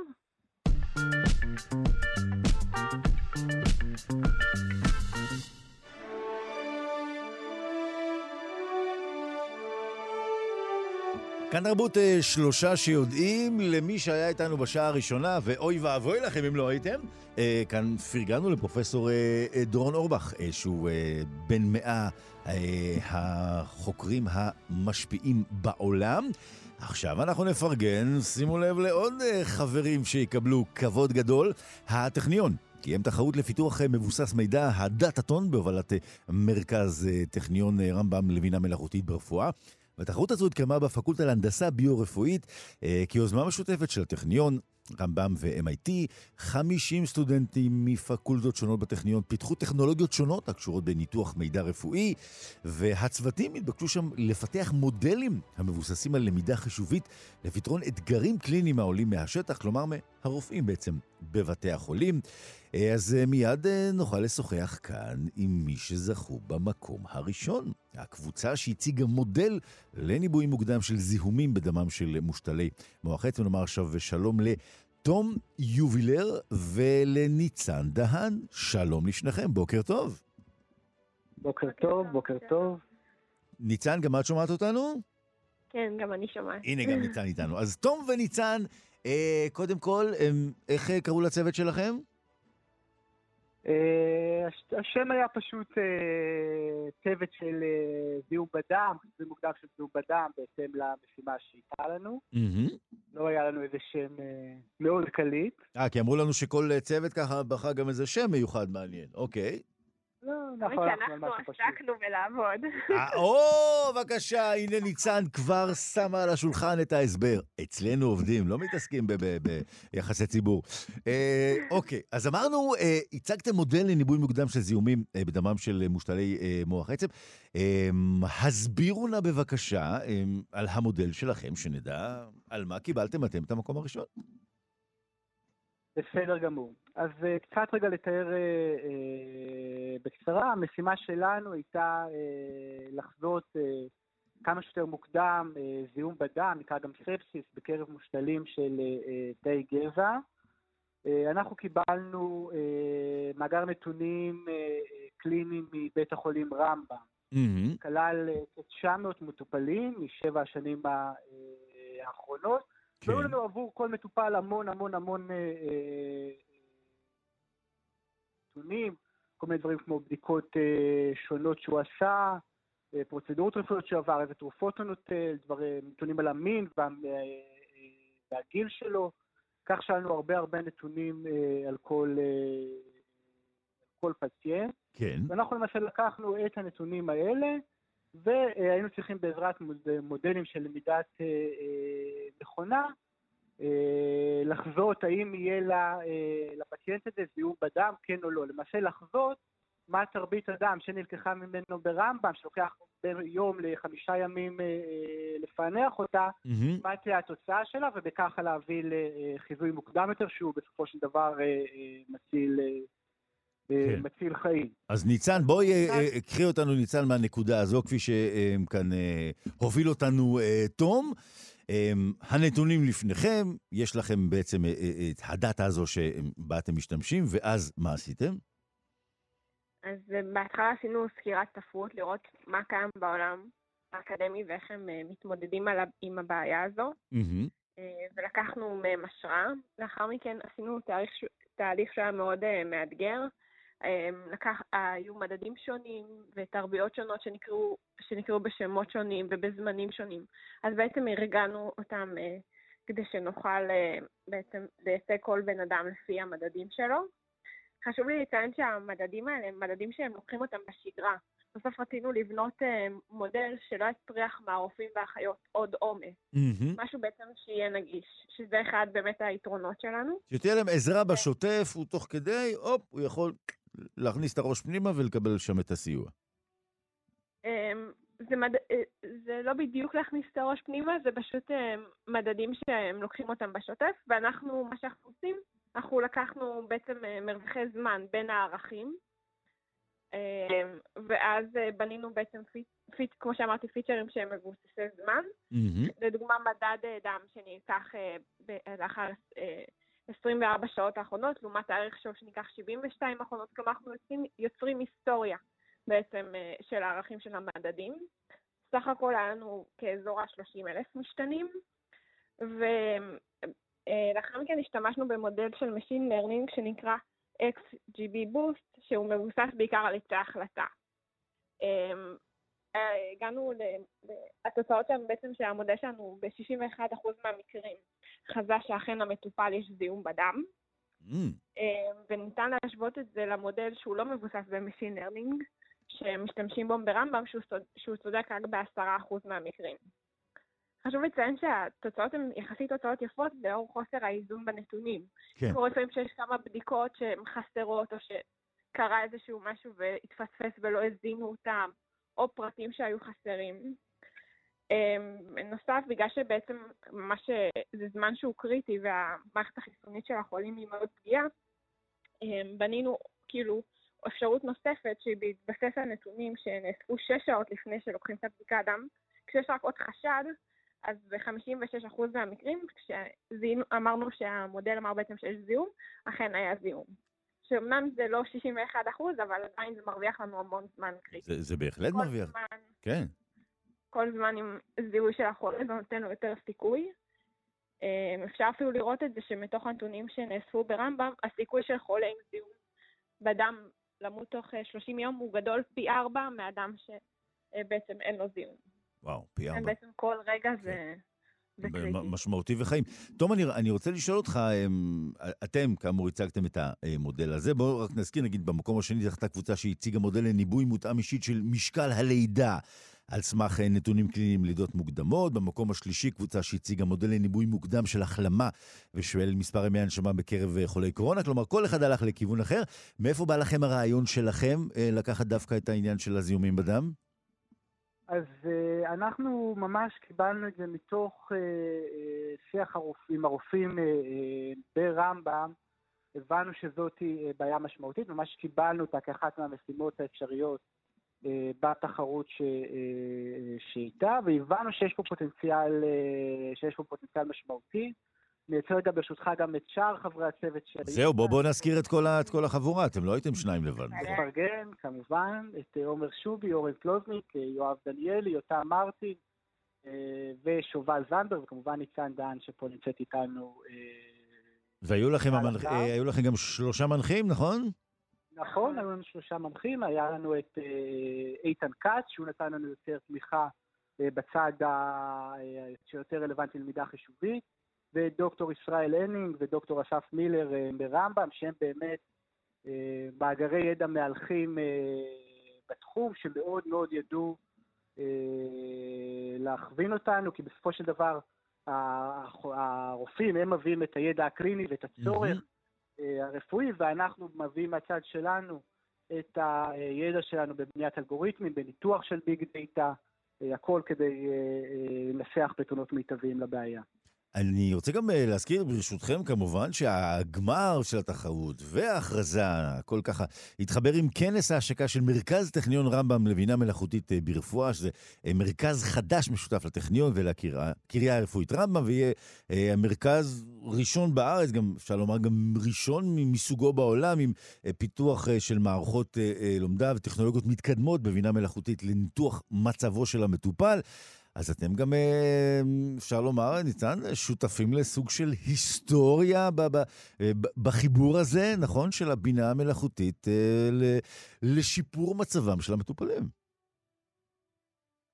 לגמרי. זה היה ממש מרגש, ואנחנו גם שמחים שיש אפשרות באמת לשלב גם את העניין של הבינה המלאכותית ברפואה, ולתת תמיכה לצוות הרפואי, ולקדם את הרפואה, להציל חיים. איזה יופי. נו, אז אה, כמה כיף אה, לשמוע כאן לעת בוקר אה, חברים יקרים שככה אה, פועלים בתחום. כמו שאמרנו, אתם זכיתם במקום הראשון, המודל לניבוי מוקדם של זיהומים אה, בדמם של אה, מושתלי מוח עצם. אה, ואנחנו רוצים אה, לפרגן, אה, כמו שאמרנו, עומר שובי ותום יובלר ואורן פלוסניק, נכון? ויואב דניאלי ויותם מרטין וניצן דן ושובל זנדברג. כל אחד מכם, בעוד עשר שנים שנדבר איתו, נאמר דוקטור, טה-טה-טה-טה, ונשמע את ההסברים, נכון? כולם יהיו אחר כך? אה? יפה, יפה.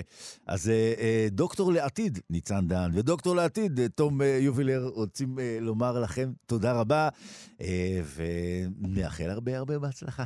תודה, חברים. תודה רבה. תודה לך.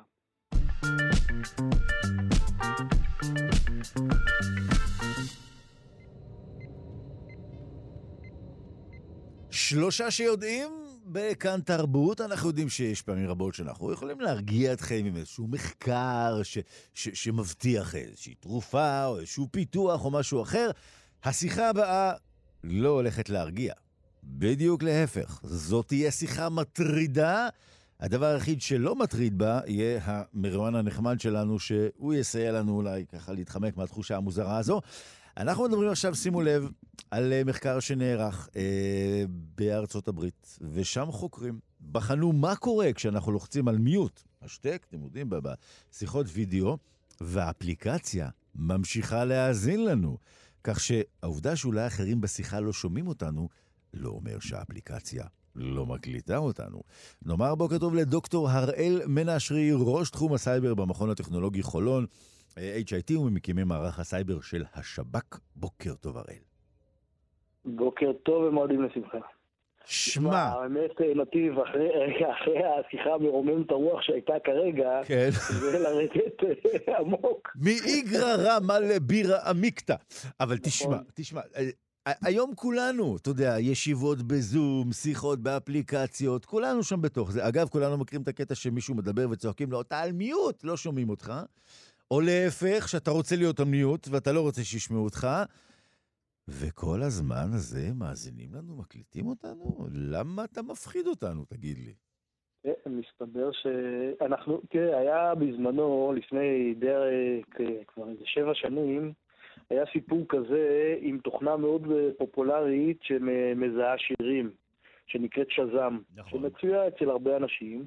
מסתבר שכשהם מכבים את התוכנה, המיקרופון נשאר דולק, וזה נעשה אז כנראה בכוונת מכוון, למרות שהם לא הודו בזה, ונוצל על ידי ה-NSA האמריקאי. וזה פורסם על ידי פורש של ארגון ה-NSA, ארגון המודיעין הגדול אה, בעולם המערבי, שאמר אנחנו אה, באמת אה, שנים עושים בזה שימוש. ופה אנחנו רואים באמת סיפור מעניין מאוד, כאשר בשיחות וידאו,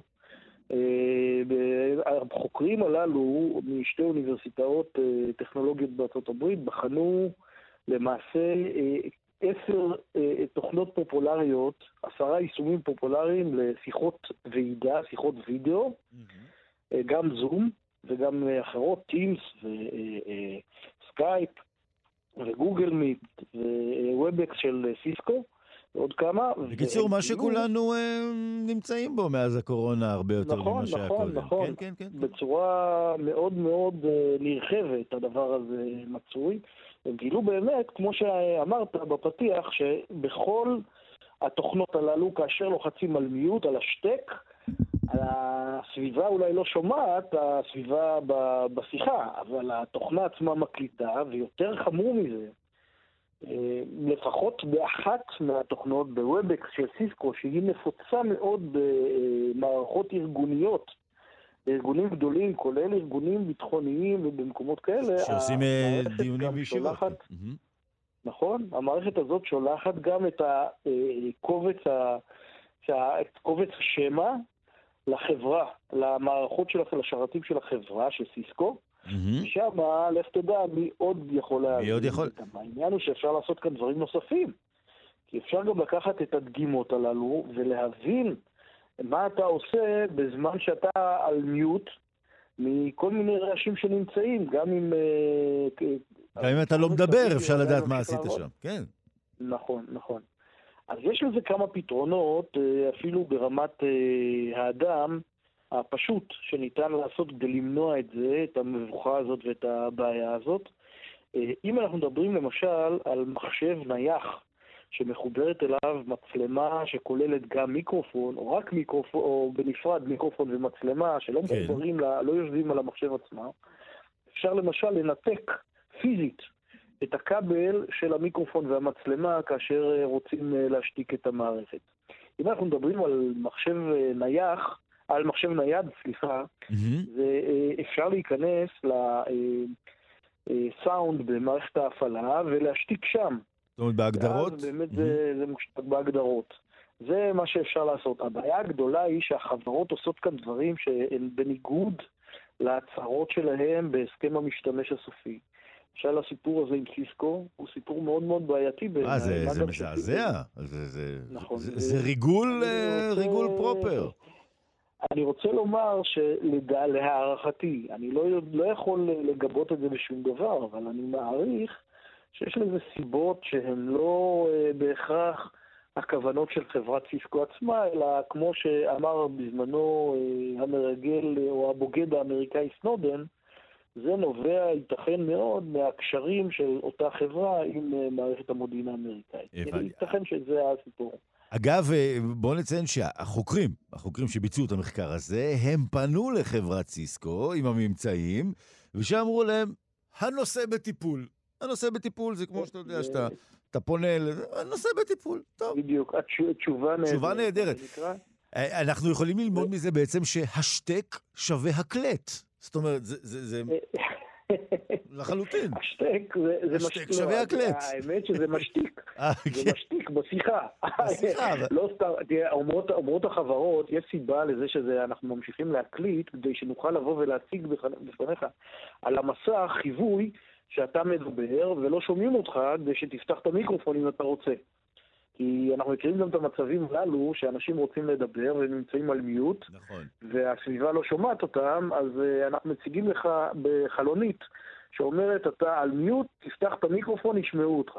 זאת הסיבה הרשמית שכל התוכנות הללו אה, אה, מקליטות, ממשיכות להקליט. אגב, אני יכול לספר לך, היינו לא מזמן בישיבה פה אצלנו בעבודה, וכולם ישבו, ומחכים, מחכים, מחכים, מחכים, ובסוף פתאום מישהו אומר, מה, לא מתחילה הישיבה? ואז מסתבר שמי שזימן את הישיבה, הוא כבר היה איזה שלוש-ארבע דקות לתוך הנאום שלו, וכולם חיכו שתתחיל הישיבה.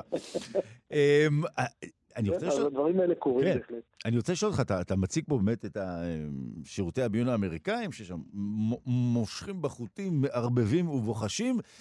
אמ, מה, מה... לג... שלא רק הם יכולים לעשות בזה שימוש. ברור, אבל... ת... תגיד, מה, מה, מה עם כל התקנות? אין שם איזושהי תקנה ש... טוב, אה, הרי לולא החוקרים הללו, וכמו שאמרנו, פנו לסיסקו, זה בטיפול, אין אבל שהוא גורם אכיפה שיכול לטפל בעניין כזה? יש גורמי אכיפה, אה, באיחוד האירופי זה נפוץ, נפוץ יותר, אה, גורמי האכיפה פועלים, הרגולציה שלהם היא חזקה יותר ומשמעותית יותר כלפי אה, ארגוני הטכנולוגיה mm-hmm. מאשר בארצות הברית, ובארצות הברית אני רוצה לומר שגם ישנה רגולציה נוספת שהיא בדיוק ההפך. יש את הצווים הנשיאותיים וה... הכוונות של הנשיאים האחרונים, ראינו את זה החל מאובמה, שגם כאן סנודן חשף את הצו הנשיאותי של אובמה, שבא ולמעשה הסביר וציווה על ארגוני המודיעין שלו איך הם צריכים לפעול. Mm-hmm. ראינו את ההחמרה בימיו של טראמפ, ואני מניח שגם uh, בימיו של הנשיא הנוכחי, ביידן, אה, הצווים הללו אה, ניתנים, וארגוני המודיעין צריכים אה, לבצע פעילות ולהביא מודיעין, וזה חלק מהטכנולוגיה שמאפשרת להם לעשות את זה. אגב, אם היינו הולכים כמה עשורים אחורה בארצות הברית, אז ארגוני המודיעין הם אלה ש... הם ניהלו את הנשיא. היום, היום כמו שאתה אומר, זה, זה קצת הפוך. אז הנה, אנחנו, אגב, את השיחה הזו שלך ושלי הקלטנו כאן, ברדיו, אה, מקלר הקליט אותה, ואנחנו נעשה בה שימוש אה, מתי שאנחנו נראה לנכון. אה, אתה קח בחשבון, דוקטור הראל מנשרי, אתה מוקלט, ואתה יודע, אל תבוא בטענות, אתה פה. אנחנו רוצים מאוד להודות לך. כמו שאמרנו, השיחה מטרידה, אבל אתה היית נחמד כתמיד. דוקטור הראל מנשרי, ראש תחום הסייבר במכון הטכנולוגי חולון, HIT ומקימי מערך הסייבר של השב"כ. תודה רבה, הראל. יום טוב וחג שמח. חג שמח.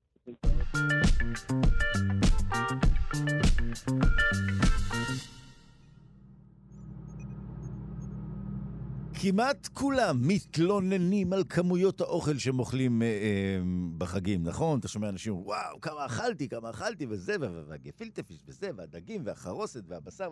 כולם מתלוננים, או שהם סתם אוהבים להתלונן, אבל הם, כמויות של מזון, יש להם אה, אפקטים לא רק של אה, תלונות חברתיות, אלא גם דברים אחרים. שינויים בכמות וסוג המזון שאנחנו אוכלים עלולים להשפיע על הפעילות של המערכות שמעודדות אגירת אה, מזון, חילוף חומרים וצבירת אנרגיה, עודף סוכר ושומן, כמו למשל אה, להגביר את פעילות מערכות הגוף, לפגוע באיברים ולגרום למחלות שונות. אז הנה עכשיו לראשונה, מחקר חדש והמחקר הזה שנערך באוניברסיטה העברית מצא קשר בין פעילות שתי מערכות בגוף, להתפתחות מחלת הכליה הסוכרתית, שהיא פוגעת ב-30% מחולי הסוכרת שבעולם. הממצאים פורסמו בכתב עת הבינלאומי Communication Nature, ושם גם ישנן הצעות וכיצד להתמודד עם המחלה כדי למנוע את הנזק. נאמר בוקר טוב לפרופסור יוסי תם, מהמכון למדעי הרפואה, בית הספר לרוקחות בפקולטה לרפואה באוניברסיטה העברית. בוקר טוב, יוסי. בוקר אור. אז אנחנו מרבים להתלונן, כמו שאמרתי, בחגים על האוכל, על הכמויות. כאן דווקא לא הכמויות, כמו למשל מה שאנחנו אוכלים, נכון? בדיוק. הסוגים של, של המזון שאנחנו מכניסים לגופנו. נכון, נכון מאוד. אנחנו יודעים שהמזון שלנו מחולק לשומן, לפחמימות, לחלבונים, ובאמת השינוי ביחסים בין השומנים, פחמימות וחלבונים יכול בעצם להשפיע על תפקוד מערכות שונות בגוף. אתם בדקתם אה, קשר קשר מאוד מעניין, אמ, שבעצם לראשונה נבדק באופן הזה, נכון? נכון מאוד. בעצם אנחנו עובדים במשך אה, מספר שנים על נושא של אה, המחלה, אה, ההשפעה של סוכר גבוה ושומן גבוה במזון שלנו על תפקודי הכליה. כן. והקשר ההדוק שבעצם גילינו, זה שבעצם צריכת מזון עשירת אה, שומן ו/או סוכר, mm-hmm. בעצם גורמת לאקטיבציה. להפעלה מאוד מאוד אה, גדולה של מערכת אה, מאוד חשובה בגוף שלנו, שנקראת המערכת הקנבינואידית. אותה מערכת שבעצם מופעלת על ידי צמח הקנאביס.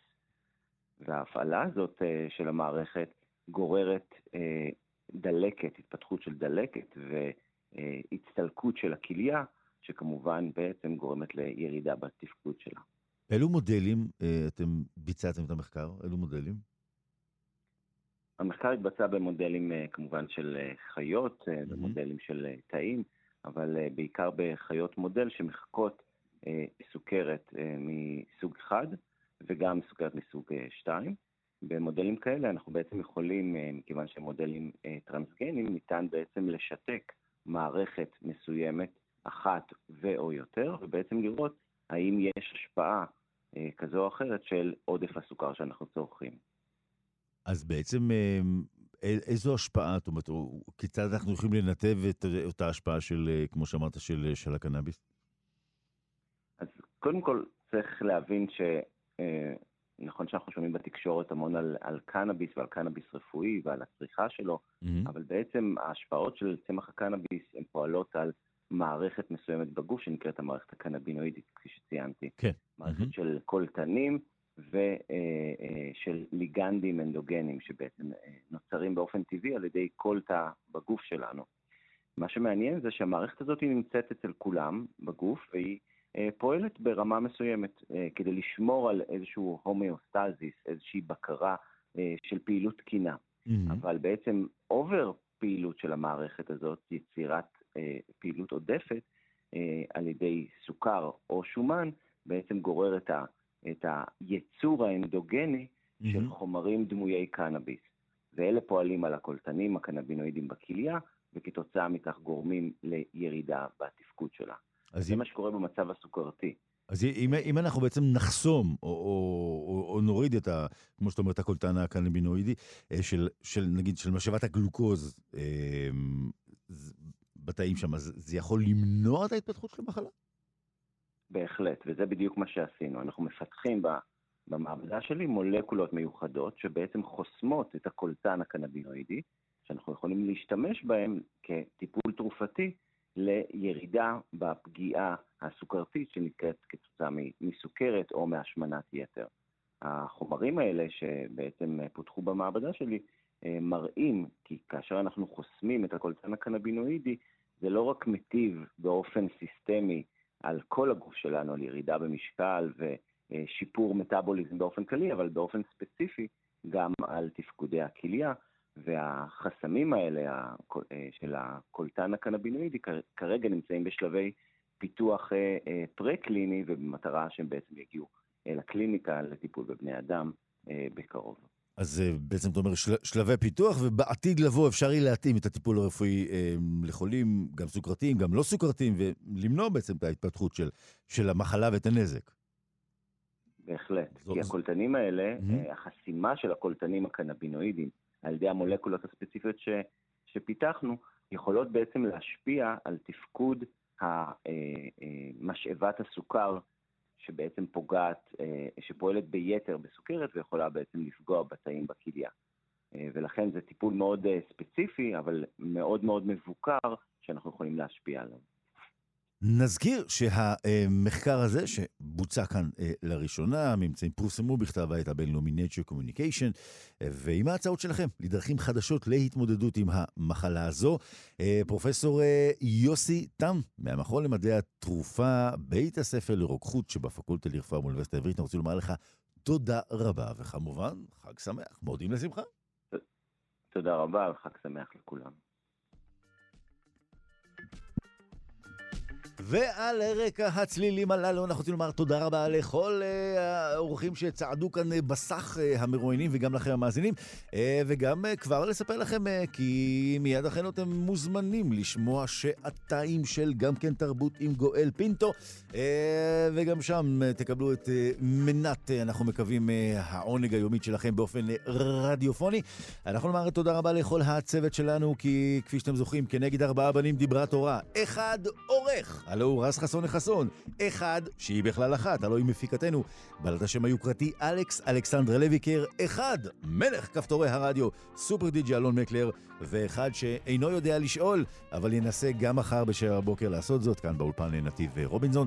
לכולכם נאחל כמובן אה, יום טוב, אה, תמשיכו לענות ככה בימים הנפלאים הללו של אה, חופשת חול המועד פסח. וכמובן, נזכיר לכם, אנחנו ממתינים לכם בכל זמן ובכל מקום, גם ביישומון שלנו, ואתם מוזמנים להיכנס. עד שניפגש שוב כאן מחר בבוקר, יום טוב, מלא ידע.